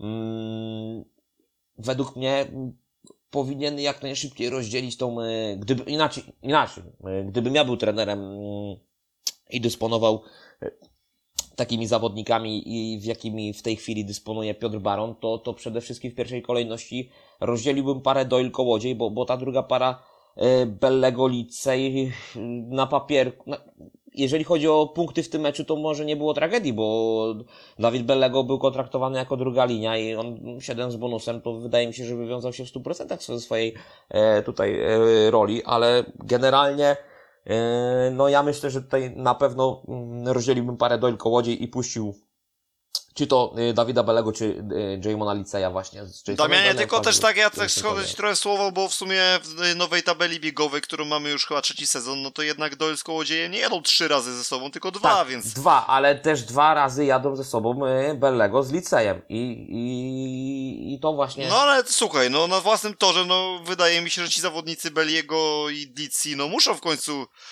tutaj stanowić jakąś siłę. Okej, ja rozumiem do czego ty zmierzasz, natomiast też trzeba drugą stronę medalu sobie y, spojrzeć. Y, Pierwsza jest taka, że tak jak ty mówisz, żeby może troszeczkę bardziej zbilansować te pary, To znaczy ale, tak, jak, ale jak jak odwrócimy ten medal na drugą stronę, no to i spojrzymy sobie na jeszcze inną rzecz, że może y, jeśli trener Baron postanowił, że tak będą wyglądały te pary i ci zawodnicy cały czas trenują, żeby w tym duecie się jak najlepiej odnajdować, to czy teraz jest dobre, żeby to zmieniać?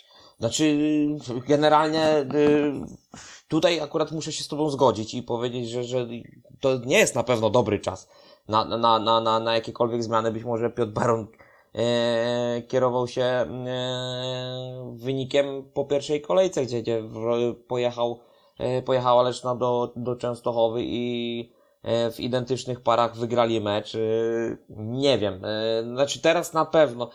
Aczkolwiek myślę, że w sumie czemu nie? Ja bym zaryzykował. Sezon i tak jest długi i tak wiemy, że sześć drużyn wchodzi do playoffów.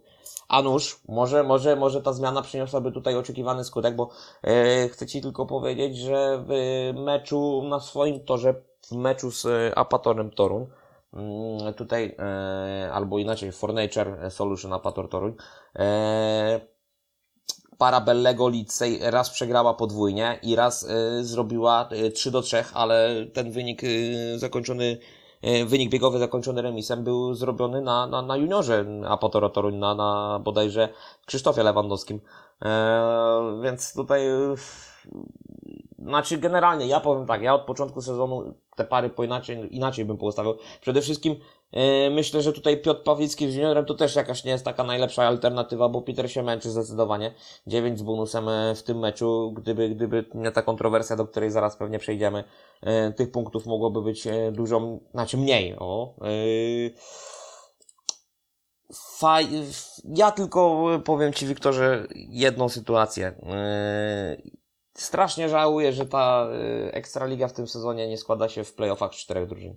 Bo No to, wyniki... czy, to, to chyba wszyscy, wszyscy myślę, Ale sympatycy ja- ja- są zgodni w tej kwestii. Tak, tak, tak, tylko że ja mówię przy kwestii tych wyników. Przecież mecze 40, i zobacz ile meczy kończyło się wynikami poza Ostrowem, poza drużyną Ostrowa tutaj. praktycznie każdy mecz kończy się w, w, w, w, ostatnim wyścigu. Pomijając też oczywiście mecz Lublin-Leszno u siebie, czy Lublin-Grudziądz y, i tą drużynę ostrowską, ale tak jak na przykład mecz w Gorzowie z Lublinem. Wynik w ostatnim biegu. E, Mecz y, w Gorzowie z Toruniem. Wynik kończył Słuchaj, nie wymieniaj tego nawet Damianie, bo tego jest bardzo dużo, Tak, więc tak, ja ale- ci ale- generalnie każdy, każdy się z tym zgadza. Ja teraz chcę ci jeszcze jedną rzecz powiedzieć. Słuchaj, wracając jeszcze do tego, do tych par y, Doyle Kołodziej.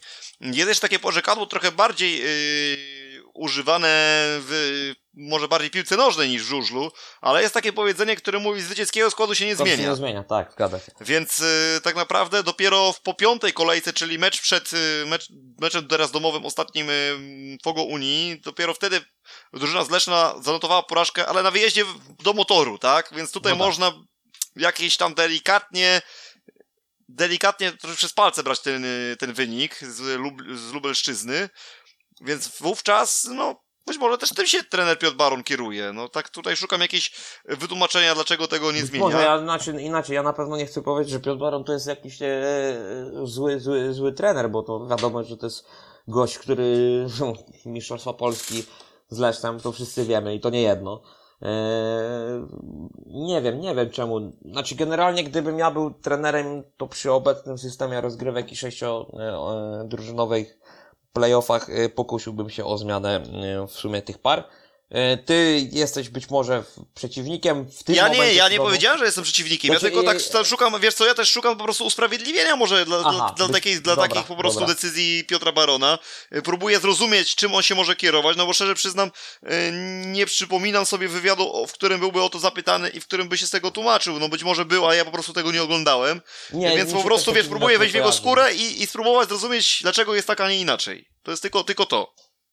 Aha, dobra, dobra, rozumiem. Bo ja generalnie myślę, że bym był nawet skłonny robić tak, jak ty mówisz, że jednak, żeby te pary były na tyle zbilansowane, żeby Janek Kołodziej, ja bym może nawet się pokusił o to, żeby Janek Kołodziej jechał z, z juniorem w parze. Ja, nawet by mi się Janusz Kołodziej w tej roli, yy, wydaje mi się, żeby się mógł fajnie odnaleźć. Znaczy, ja- wydaje mi się, że tutaj y, ustawianie Janusza Kołodzieja z y, juniorem to jest tak jak w sytuacji y, Betardu Sparty Wrocław Macieja Janowskiego pod trzynastkę, czy pod piątkę, czy tak samo z Bartoszem z Marzlikiem.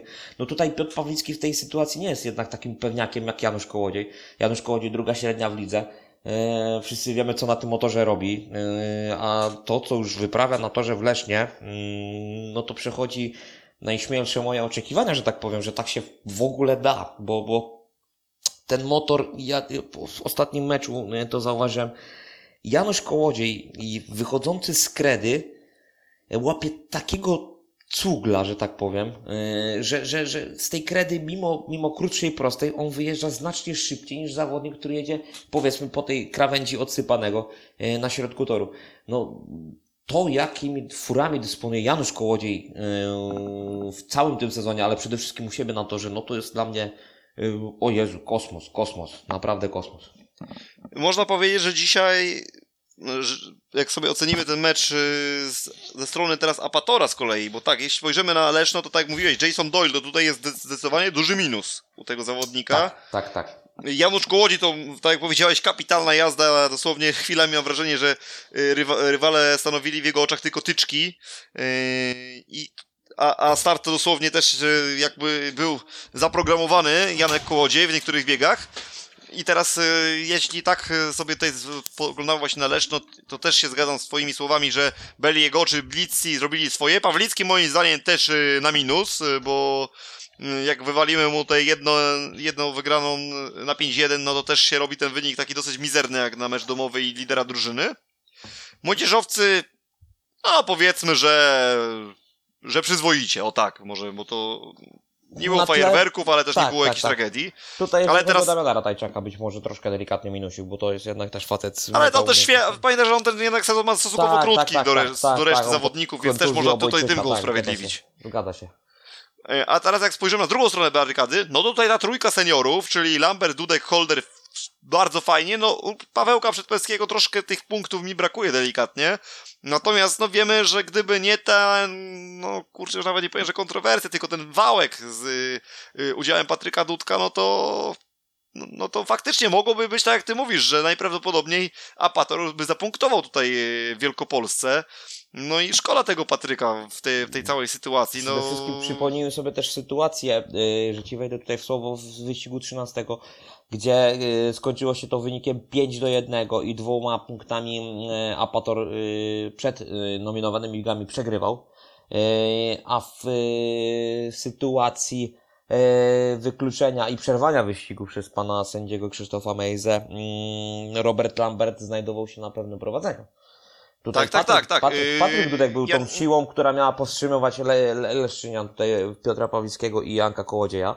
Yy, myślę, że tutaj, znaczy generalnie ja się nie chcę pastwić nad Piotrem Pawlickim, ale myślę, że dla mnie te, tego zawodnika w powtórce tego wyścigu, jeżeli sędzia przerwał, to, to, to jedyną racjonalną sytuacją, yy, decyzją powinno być wykluczenie Piotra Pawlickiego.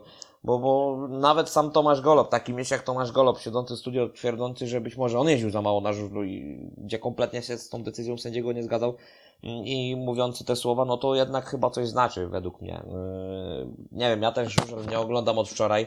Yy, Ale tutaj, Damian, ja, moim zdaniem my tu nawet nie mamy co analizować, no bo to Tak, po prostu tak. jeden Znaczy, wielki bo- babol i tyle, no. Tak, yy, właśnie, tak jak dobrze powiedziałeś, być może to nie jest kontrowersja, tylko to jest babol, typowo, typowy babol. Bo, bo tutaj już kontrowersją nie można tego nazwać. Eee, generalnie, jeżeli chciał, jeżeli sędzia wykluczył Patryka Dudka, to, znaczy ja rozumiem, bo okej, y, sędzia to podejmuje w ułamku sekundy decyzję, no ale przerwał ten wyścig eee, w momencie, kiedy zawodnik nie upadł, tak? Tylko i wyłącznie podejrzewam dzięki swoim umiejętnościom, utrzymał się na tym motocyklu i, i panowaniem nad motocyklem. Eee, nie zrobił sobie jakiejś tam krzywdy. Mm, nie wiem. Babol dla mnie przede wszystkim, bo, bo, bo tutaj wykluczenie Piotra Pawlickiego e, zdecydowanie, zdecydowanie e, należało tak postąpić, żeby, żeby przy nazwisku Piotra Pawlickiego w czwartym jego biegu w tym spotkaniu Ale powiem ci, że powiem ci, że nawet jak słuchałem Piotrka Pawlickiego z wypowiedzią po tym y, wyścigu, to mam wrażenie, że on chyba czuł, że miał farta, że został wykluczony Tak. z tego Tak, on z tak tego pół wyścigu. żartem, pół serio odpowiadał, ale wydaje mi się, że tam kamień z serca jednak poleciał u Piotra, bo, bo, bo e, każdy, znaczy generalnie Piotra Pawlickiego można kochać i można nienawidzić, ale to jest facet, który zawsze nie gryzie się w język i mówi to, co chce. I generalnie potrafi przyznać się do tego, że pojedzie z kimś ostro. Eee, wiadomo, że tutaj niektórzy przyklejają mu tam jakąś żużlową łatkę, już nie chcę na ten temat wchodzić. Ale to jest- Neymarową ci chodzi. tak, Neymarową, dokładnie. Nie chciałem tego powiedzieć. e, Dziękuję bardzo za podpowiedź. Znaczy nie za podpowiedź, bo ja dokładnie wiedziałem o co chodzi. E, Ale, ale chciałem tego w sumie e, sformułowania uniknąć. Mm, Ale to jest facet, który się nie gryzie w język i, i on zawsze powie, i, jeżeli tutaj e, sytuacja z Martinem Wacolikiem też w 2021 roku na inaugurację ligi, gdzie Gorzów jechał w Lesznie i Piotr Pawlicki tam e, bardzo, bardzo e, ostro pojechał z Martinem, powiedział po wyścigu, że, że, że według mnie e, on powinien dostać ostrzeżenia za ten, za ten wyścig, ten, gdzie takowego nie dostał. E, Ten wyścig powinien być przerwany i Piotr Pawlicki powinien zostać z niego też wykluczony tam, bo tam było bardzo, bardzo ostro też. E, I Piotr potrafi się przyznać, a tutaj e, wydaje mi się, że też, tak jak mówisz, e, ogromny podejrzewań kamień z serca e, Piotra Pawlickiego spadł po decyzji sędziego, gdzie został wykluczony Patryk Dudek, a, a, a nie został wykluczony Piotr Pawlicki.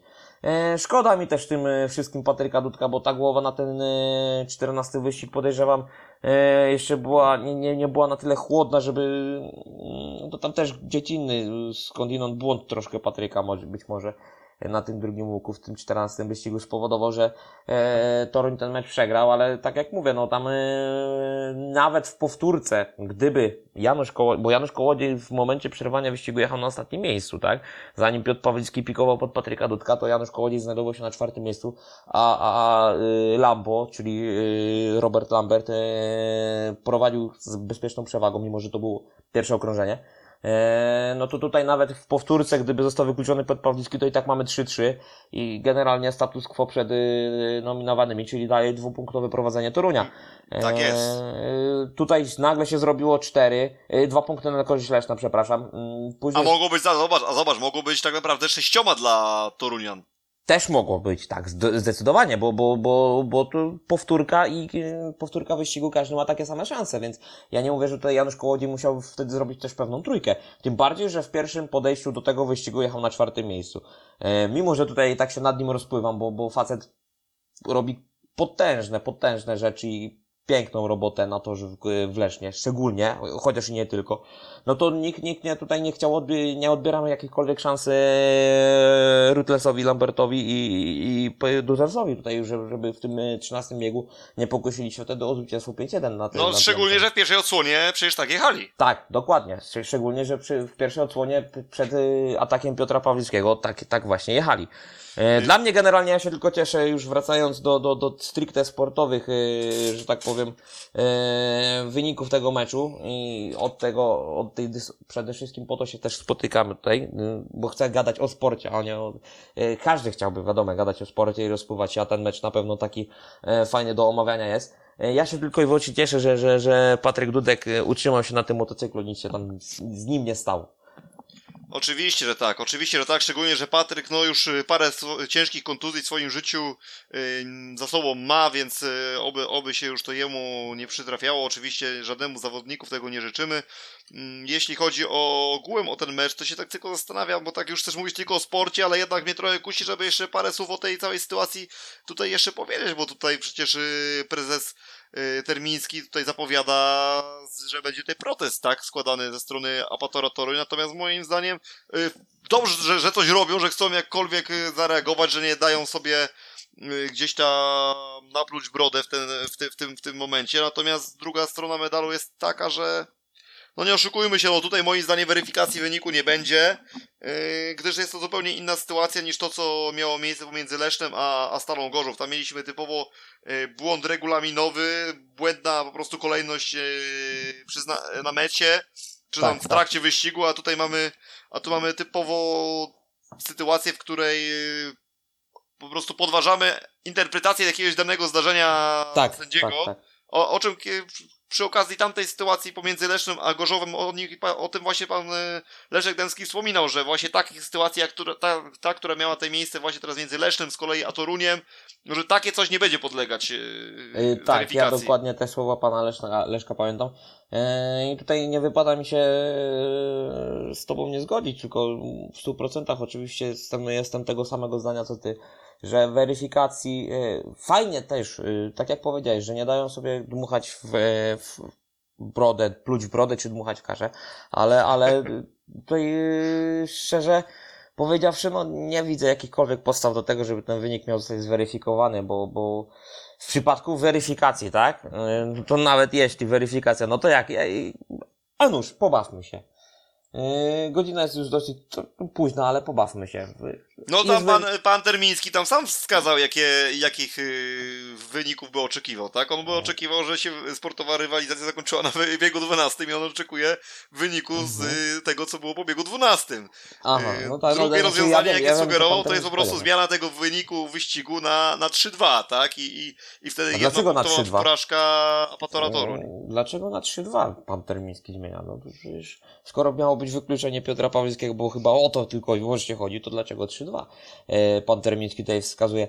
Nie, No, no, bo, bo twierdzi, że Patrykowi Dudkowi już punktów nigdy nie przywróci. Tak, tak tam było Aha. powiedziane. dobra, no, okej. e, Więc podejrzewam, że chyba chodzi o to, że po prostu z Piotra Pawlickiego ta dwójeczka miała przejść na Roberta Lamberta, Lamberta, a, tak, a, a bez punktu byłby wtedy Piotrek Pawlicki. tak, tak. E, Znaczy, no, No dlatego dziwna, ten- dziwna troszeczkę logika Tak, w tym tak, przypadku, ale Tak. E, Nie jest to, pod... nie, nie, będzie tutaj weryfikacji tego wyniku i ten mecz się skończył takim samym wynikiem, jak, jakim jest wpisane do protokołu po tym meczu i, i, i tyle. Fajnie, fajnie na pewno to, że, że e, kibice obejrzeli też kawał, kawał meczycha w tym Lesznie, bo, bo to nie można powiedzieć, że tam meczycha nie było. Bo, pytanie, bo... pytanie jakie byłoby meczycho, gdyby nie było Janka Kołodzieja.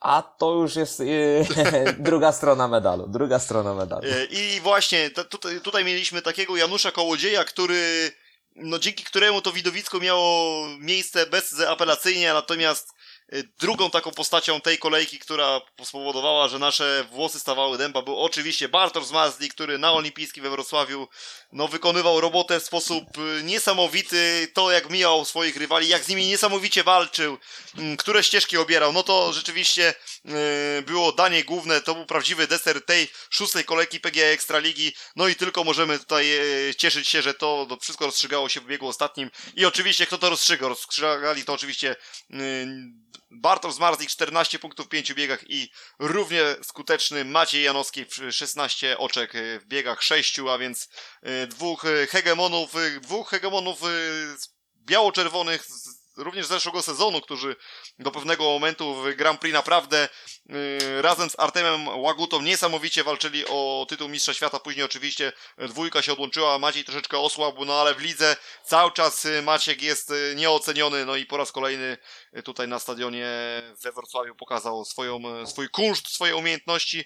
Natomiast jeśli mówimy o biało-czerwonych, no to rzeczywiście tutaj ciężko się chyba do któregokolwiek seniora Polaka przyczepić w tym meczu, bo zarówno po jednej stronie kapitalny Janowski, w końcu bardzo dobry Czugunow, po mhm. drugiej stronie myślę, że y, dobry woźniak, naprawdę dobry woźniak, no i kapitalny Bartosz Zmardik, więc tutaj można powiedzieć, że biało-czerwoni radzili sobie kapitalnie, no ale już jeśli pomieszamy troszeczkę kolory flag, y, no okej, okay, no Anders Thompson poniekąd i Patryk Hansek też biało-czerwoni, no ale oczywiście chodziło nam tutaj o Polaków, ale jeśli tutaj domieszamy troszeczkę tych, tych kolorów i tych narodowości, no to jak spojrzymy przede wszystkim na Brytyjczyków, no to Brytyjczycy chyba w tym meczu y, zawiedli bardzo mocno, aczkolwiek dzięki temu mieliśmy taki fan, fajny, wyrównany mecz. Mm, tak, tutaj e, na pewno dwóch y, zawodników, którzy jechali w swojej lidze w tym, w tym dniu, w tym meczu, to Maciek Janowski i Bartek e, z Marzik.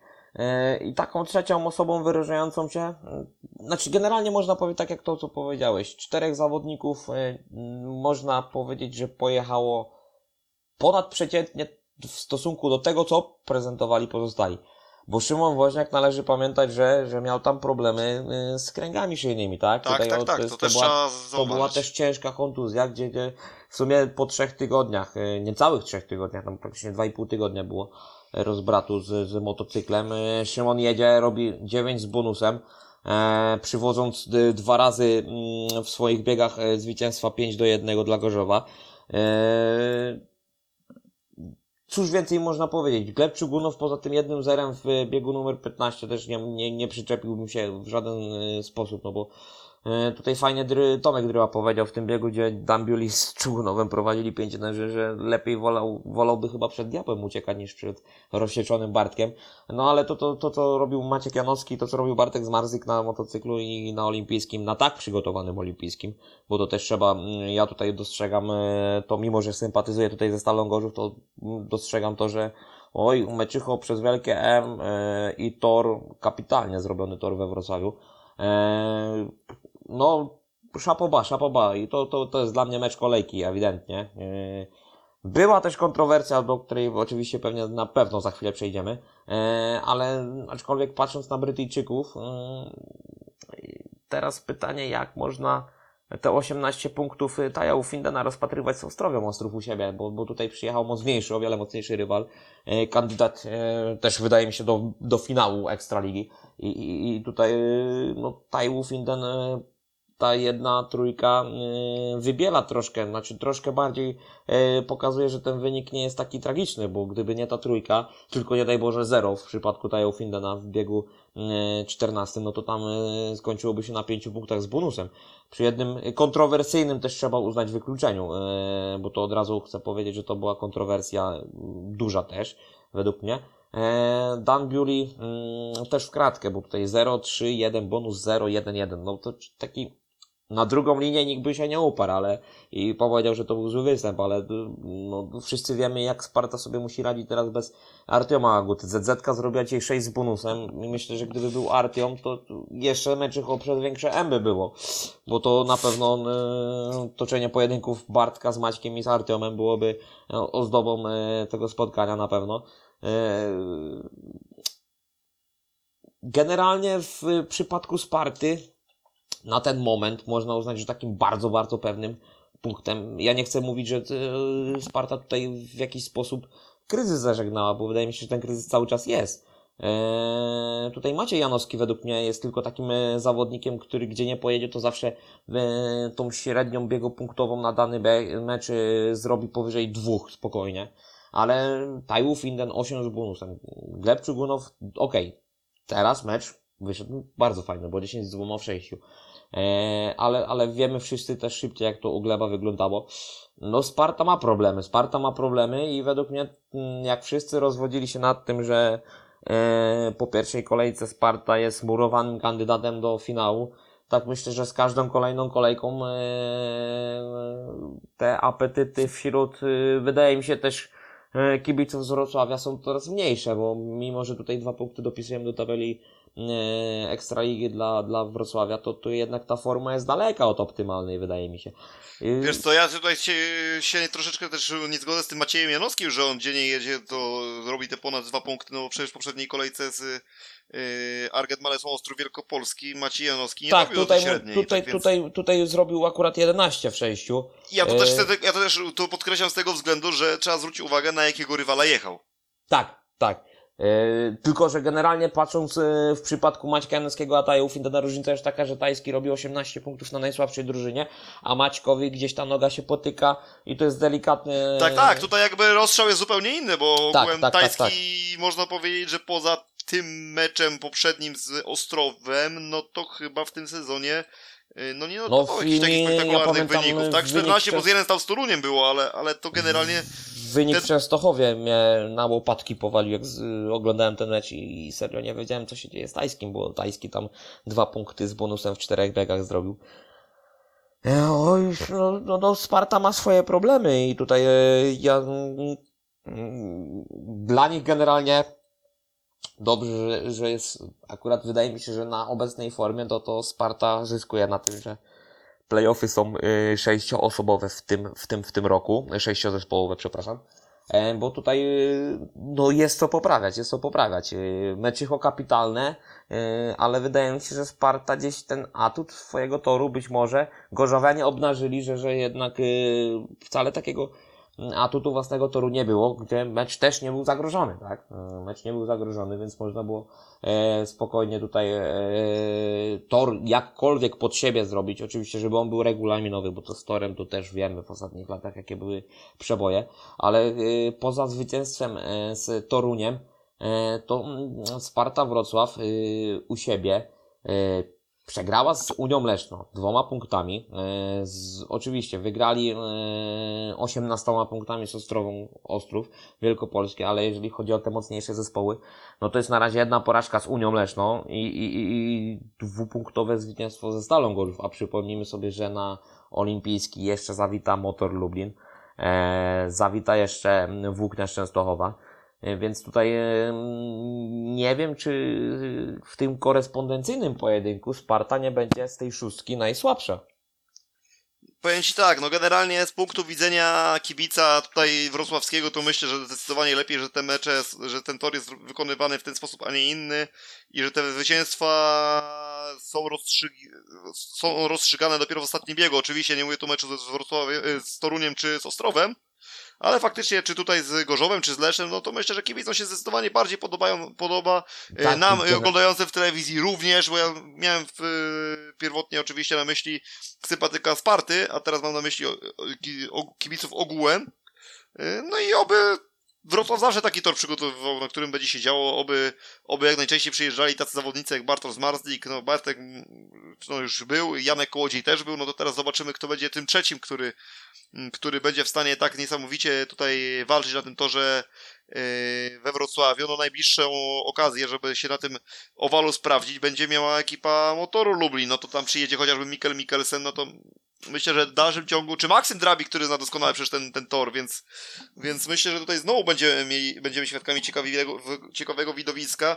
No i to już tutaj będzie naprawdę y, weryfikacja ostateczna siły Betard Sparty, bo jeśli tutaj y, no, w meczu z motorem Lublin udałoby im się przychylić szale na, na swoją korzyść, no to wtedy jakby mieliby faktycznie szansę tutaj się y, no, być jedną z tych mocniej, z tych czołowych drużyn w tym sezonie, a jeśli nie, to tak jak ty mówisz, w tych korespondencyjnych pojedynkach niestety byliby w pozycji takiej, no nie za ciekawej i mieliby być może e, problem dostać się do playoffów w sytuacji, gdyby w tych playoffach jechały tylko cztery drużyny. No na ich szczęście, tak jak mówisz, i tych zespołów będzie sześć, więc, więc tutaj się za bardzo przejmować nie muszą, ale rzeczywiście myślę, że we Wrocławiu e, byłoby bardzo gorąco, gdyby chodziły tylko cztery zespoły, a jak gorąco musiało być po tej, y, po tej decyzji arbitra w Toruniu, no to ja sobie tego nie chciałbym wyobrażać.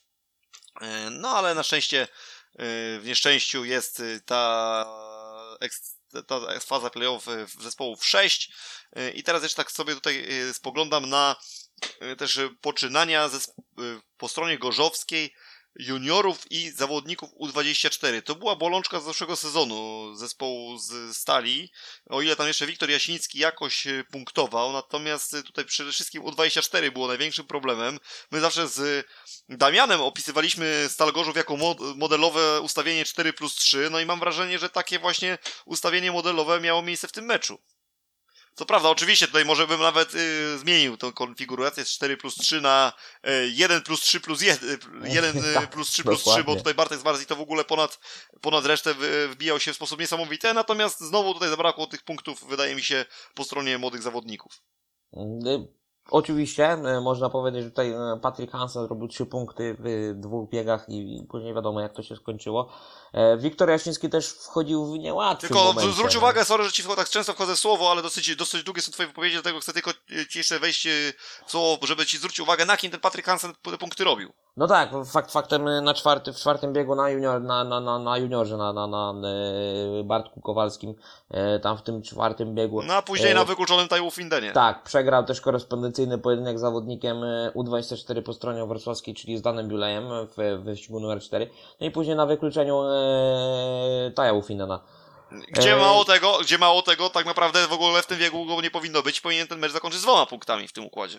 E, też jestem tego zdania, tak. Ale to za chwilę do tej podejrzewam sytuacji przejdziemy też. E, no tak, tutaj generalnie Patrick Hansen bardzo pozytywnie zaskoczył w pierwszej kolejce z motorem Lubin, e, bo, bo, bo, bo fajnie tam pojechał. Nie od, znaczy generalnie to jest całkiem inny też sylwetka żylowca niż Rafała Karczmarza, gdzie, gdzie Rafał Karczmarz tak troszkę mm, nie bójmy się użyć tych słów bojaźliwie niektóre wyścigi potrafił rozgrywać. A widziałeś, co jedzie w pierwszej lidze w tym sezonie, Rafał Karczmasz? Widziałem, widziałem, widziałem. I jak ale... sobie poradził niesamowicie teraz y, w Gnieźnie? Ale przy, przypominam Ci, że Patrick Hansen też był najlepszym zawodnikiem U20 e, cztery w e, zeszłym sezonie w pierwszej lidze, tak? E, więc tutaj Gorzów kontraktując Hansena na, no, zresztą Patrick jest strasznie ambitną też osobą i, i, tutaj w tym przypadku wydaje mi się, że to jest typowo też kwestia sprzętowa że, że, że ja wiem, jak y, mecz z Toruniem obnażył też to, że facety no po prostu odstaje sprzętowo od, od, od, od reszty zawodników, od reszty rywali w danym wyścigu i, i tymi umie... wydaje mi się, że te 7 punktów y, z dwoma bonusami w pierwszym biegu, meczu i 6 y, plus 3 w pięciu biegach w drugim meczu to było takie bardziej wyszarpane umiejętnościami i dobre I może znajomością też obalu, co Gorzowskiego. Też w pierwszym meczu tak, w drugim meczu jechał w Lesznie, więc... Tak, tak, tak, tak, ja mówię to na razie ogólnie yy, Tak, meczu. tak, tak. E, no tutaj na pewno miał możliwość trenować więcej, te kilka treningów zrobił. E, też e, niż, niż, niż samymi silnikami tutaj te punkty wywalcza Patrick Hansen i szybkością swojego motocykla.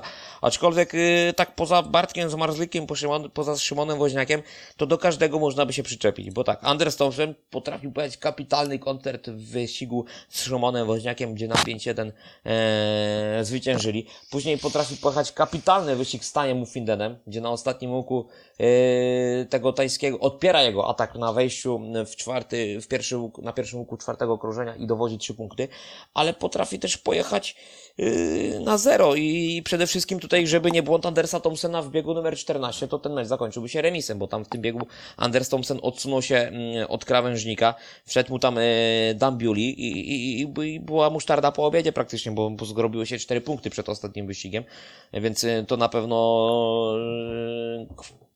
decydowało o tym, że, że, że ten mecz nie zakończył się yy, na pewno już zwycięstwem w tamtym momencie Gorzowa, tylko mógł się zakończyć remisem.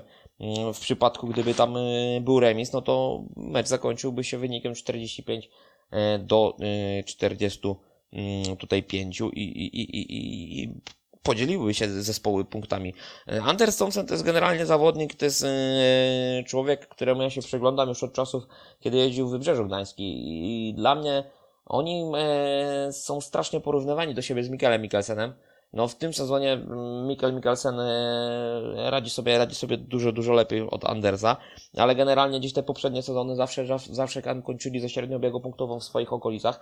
E, Anders Thompson według mnie strasznym walczakiem i to jest też zawodnik, który nie kalkuluje, który potrafi świetnie, e, przede wszystkim ma praktycznie opanowane do, pertek- do perfekcji wejścia piką e, w łuku, bo potrafi zrobić to tak umiejętnie jak y, Leon Madsen. e, na przykład Leon Madsen, e, skądinąd szkoła duńska. Mm, Więc tutaj e, no, są, e, tu są też, wydaje mi się, problemy sprzętowe. I Też czytaliśmy o tym węgierskim e, tunerze, tak, Andersa Thompsona, że gdzieś tam jednak to, to, to się nie potoczyło, że w zeszłym sezonie zerwał współpracę e, z, z, z swoją drogą Flemingiem Gravesenem bodajże.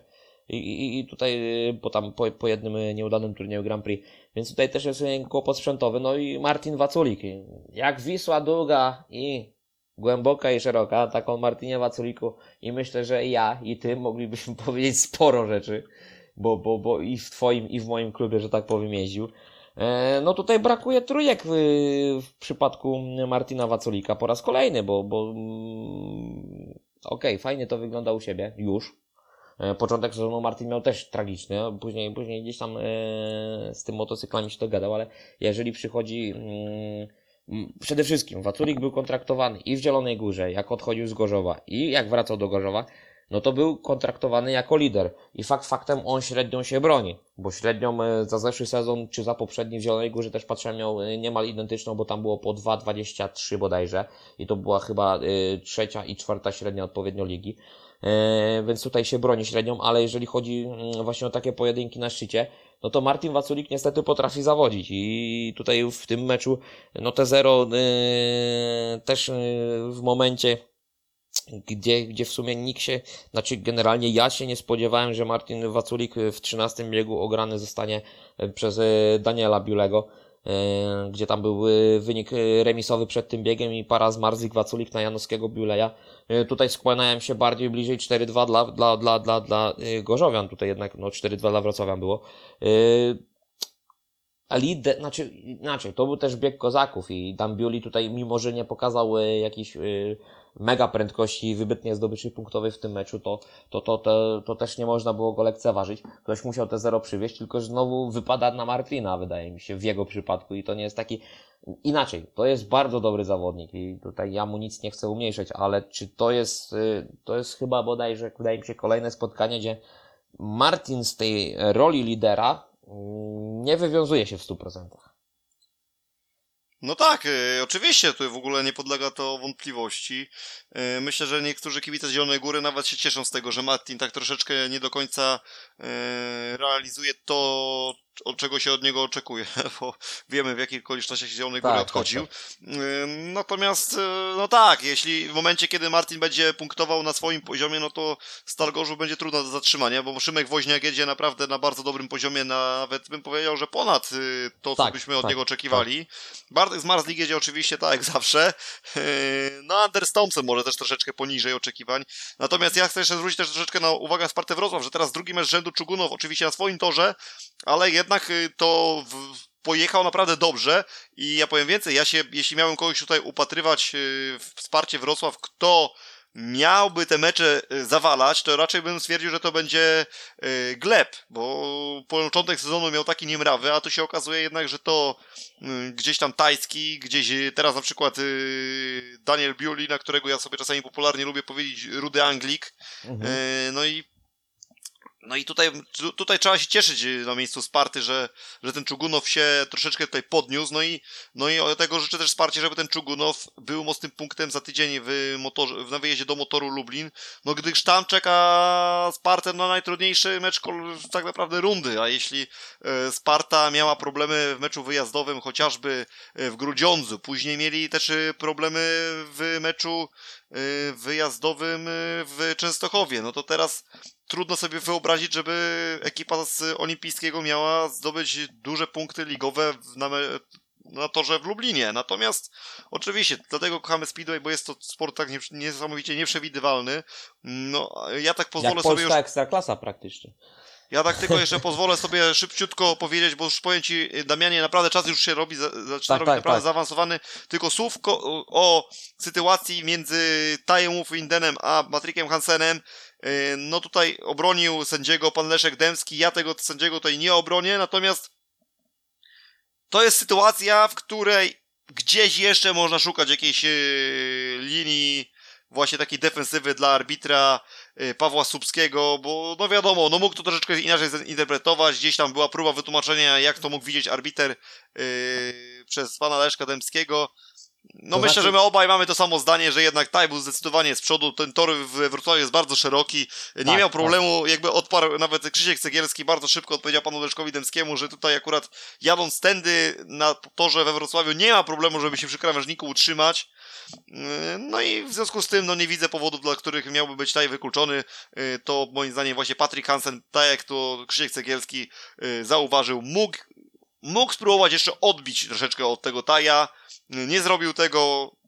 No i w związku z tym, no niestety, powinien być za to yy, niestety ukarany, chociaż oczywiście to jest jedna ta sytuacja, gdzie tutaj nie ma takiej, nie jest taka może 100% winy do zera, Znaczy, nie, ale... ja, tutaj, ja tutaj właśnie obstawiając yy, od razu yy, też, yy, na, znaczy generalnie na początku myślałem, że Tajów inny jest winny, bo yy, jeżeli yy, kamera podczas wyścigu jest z boku, to ten z boku yy, na powtórkach. Było widać, że Patrick Hansen de, zjeżdżał teoretycznie już do krawężnika w momencie przekroczenia linii start-meta, ale jeżeli zobaczyłem już powtórkę z kamery yy, ulokowanej na pierwszym łuku, no to tam już zdecydowanie Tajów inny był z przodu, więc tutaj no dla mnie tutaj 75-25, jeżeli miałbym mówić o procentach, czy 70-30 na rzecz wykluczenia dla Patryka Hensena, a nie dla Teja Findena. E, Tym bardziej, że tak jak mówisz, tutaj tor na Olimpico jest mega szeroki, tutaj nie ma absolutnie żadnego problemu, żeby pikując utrzymać się przy tej krecie.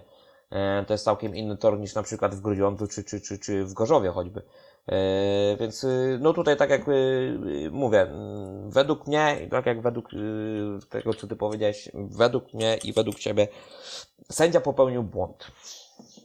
No, nie było, nie było, nie było inaczej. A teraz, Damianie, tutaj podsumujmy. Skończył się ten wynik, tym mecz wynikiem 46-44 dla Betar Sparty Wrocław w pojedynku ze Stalą Gorzów. Moje Bermudy Stalą Gorzów, dodajmy. A teraz tylko szybciutkie typy, Damianie, na przyszłą kolejkę. Już bez be, analizowania tego, co się może wydarzyć, tylko Cię poproszę o mm, kolejne typy wyników y, tego, co się może wydarzyć za tydzień. Y, zaczniemy od meczu zgodnie z chronologią, czyli y, Stal Gorzów Ostrowia Ostrów. Jaki tam przewidujesz, Damianie, wynik tego spotkania? E, mówimy tutaj o wyniku dokładnym. Tak, tak, o dokładnym wyniku. E, według mnie no tutaj mm, niespodzianki nie będzie. Myślę, że to nie będzie mecz, w którym Ostrów zrobi, zrobi 40 punktów pierwszy raz w tym sezonie, więc obstawiam wynik e, 50 E, 6,34 dla Stali Gorzów. Dobrze, e, Toruń Częstochowa? Mm, I to jest właśnie yy, Speedo Ekstraliga. Według mnie ten mecz jest o wiele ciekawszy meczem niż mecz Grudziądz z Leszno, który będzie pokazywany w niedzielę. Yy, jeżeli chodzi o wynik meczu Toruń Częstochowa, yy, myślę, że zwycięstwo yy, Torunia w, w rozmiarach 48-42. Dobrze, Grudziądz Leszno. Pytanie, co z Nikim, bo jeżeli będzie. Yy, Z tego co wiem, to Niki 5 czerwca zapowiedział, że będzie na meczu. Że będzie na meczu. Yy, Pytanie, znaczy to jest Niki, to jest twardziej, więc yy, dobra. Yy, Generalnie, gdyby był Niki i bez kontuzji, myślę, że skończyłoby się to wynikiem 45-45. Dobra, 45-45. Lublin, Wrocław. Tak, tak typuję. A Lublin, Wrocław... Y, Jak, słuchaj, jak będzie, w, nie, jak nie będzie nikiego, to uznamy, że po prostu jest y, ten typ nieważny po prostu i tyle. Okej, dobra. Yy, jeżeli chodzi o mecz yy, Lublin-Wrocław, to myślę, że tutaj wynik, no mimo wszystko 52-38 dla Lublina. Dobra, to teraz jeszcze ja polecę swoimi typami. Gorzów, Ostrów, tutaj Grzesia Walaska. O właśnie, czy Grzesio Walasek już będzie w tym meczu? Generalnie wydaje mi się, że nie, bo on dopiero za dwa tygodnie ma skończyć rehabilitację od wywiadów, który udzielił. Tylko przypomnę ci, że za tydzień nie ma, że teraz w niedzielę nie ma kolejki, nie? Tak, tylko że dwa tygodnie mijają właśnie w meczu z Ostrowem, więc teraz y, meczu Gorzów Ostrów, więc no, no nie wiem, ja tutaj wziąłem też pod uwagę to, że Grzesia może nie być. E, Dobra, to ja, ja pójdę troszeczkę delikatnie, może 55-35. Yy, Toruń, Częstochowa. Ja tutaj cię może zaskoczę, ale ja jednak tutaj daję 42-48 na korzyść tutaj yy, mecz dla korzyść Częstochowy. Yy, Wydaje mi się, że jednak yy, Macen, Freddy, dwójka mega mocnych juniorów, szcz- Mhm. szczególnie w formie świdnickiej, myślę, że jednak Częstochowa tu powinna ten mecz zwyciężyć. Zdaję sobie sprawę z atutów gospodarzy, ale jednak y, też Moto Arena nie jest dla nikogo żadną niespodzianką, jeśli chodzi o ten tor, więc myślę, że tutaj Częstochowianie powinni y, dwa ligowe punkty stąd wywieźć. Grudziąc, Leszno, y, tutaj, no właśnie, tu się zastanawiam, y, jak tutaj to zinterpretować, natomiast jednak, no właśnie, to jest Beliego tym razem, nie ma, nie ma Emila. Mm, no, ale wydaje mi się, że Grudziąc mimo wszystko no, nie jest w jakiejś tam specjalnie wysokiej formie. Yy, ja daję 4-3-4-7, nawet yy, jeśli będzie Niki Pedersen, bo Jason Doyle nie powtórzy tak słabego meczu jak teraz w Lesznie. Yy, I Lublin, Wrocław 50-40. Takie są moje typy. I jeszcze tylko ostatni wątek na koniec, przed zakończeniem naszego programu, to jeszcze tylko chciałem słówko, no, że, że nawet nie z racji dlatego, że jestem gdzieś tam sympatykiem falubaz, zielonogórskiego falubazu, ale z racji tego, że akurat teraz ten mecz, który jechali, to był akurat chyba naj, no tak można powiedzieć hit tej pierwszej ligi żużlowej. Faluba zwycięża 48 do 42 z drużyną yy, Polonii Bydgoszcz. Na swoim torze 6 punktów przewagi w kontekście rewanżu, ale powiedzmy sobie szczerze, że to wszystko i tak nie ma znaczenia. Zgadzam. Bo jest yy, tak samo jak w Ekstralidze 6 drużyn w playoffie, prawda? No więc jakie ma to znaczenie? No oczywiście to jest tylko ma takie znaczenie, że poznajemy siłę danego zespołu i wiemy, że siłą zespołu Falubaz Zielona Góra jest najprawdopodobniej zastępcą zawodnika za Piotra Patasiewicza, bo dzięki temu do składu wskoczył Mateusz Tonder i się okazuje, że Mateusz Tonder jest w całkiem niezłej formie. Mateusz Tonder to jest największe, znaczy największe, no, y, chłopak w meczu z Łodzią w zeszłym, w zeszłym tygodniu e, pojechał w takim wskakujesz, zresztą zawsze skakiwać w drugiej, w trzeciej czy w czwartej serii startów to jest, to jest problem dla danego zawodnika. Mateusz tam pokazał, że, że, że udźwignął to.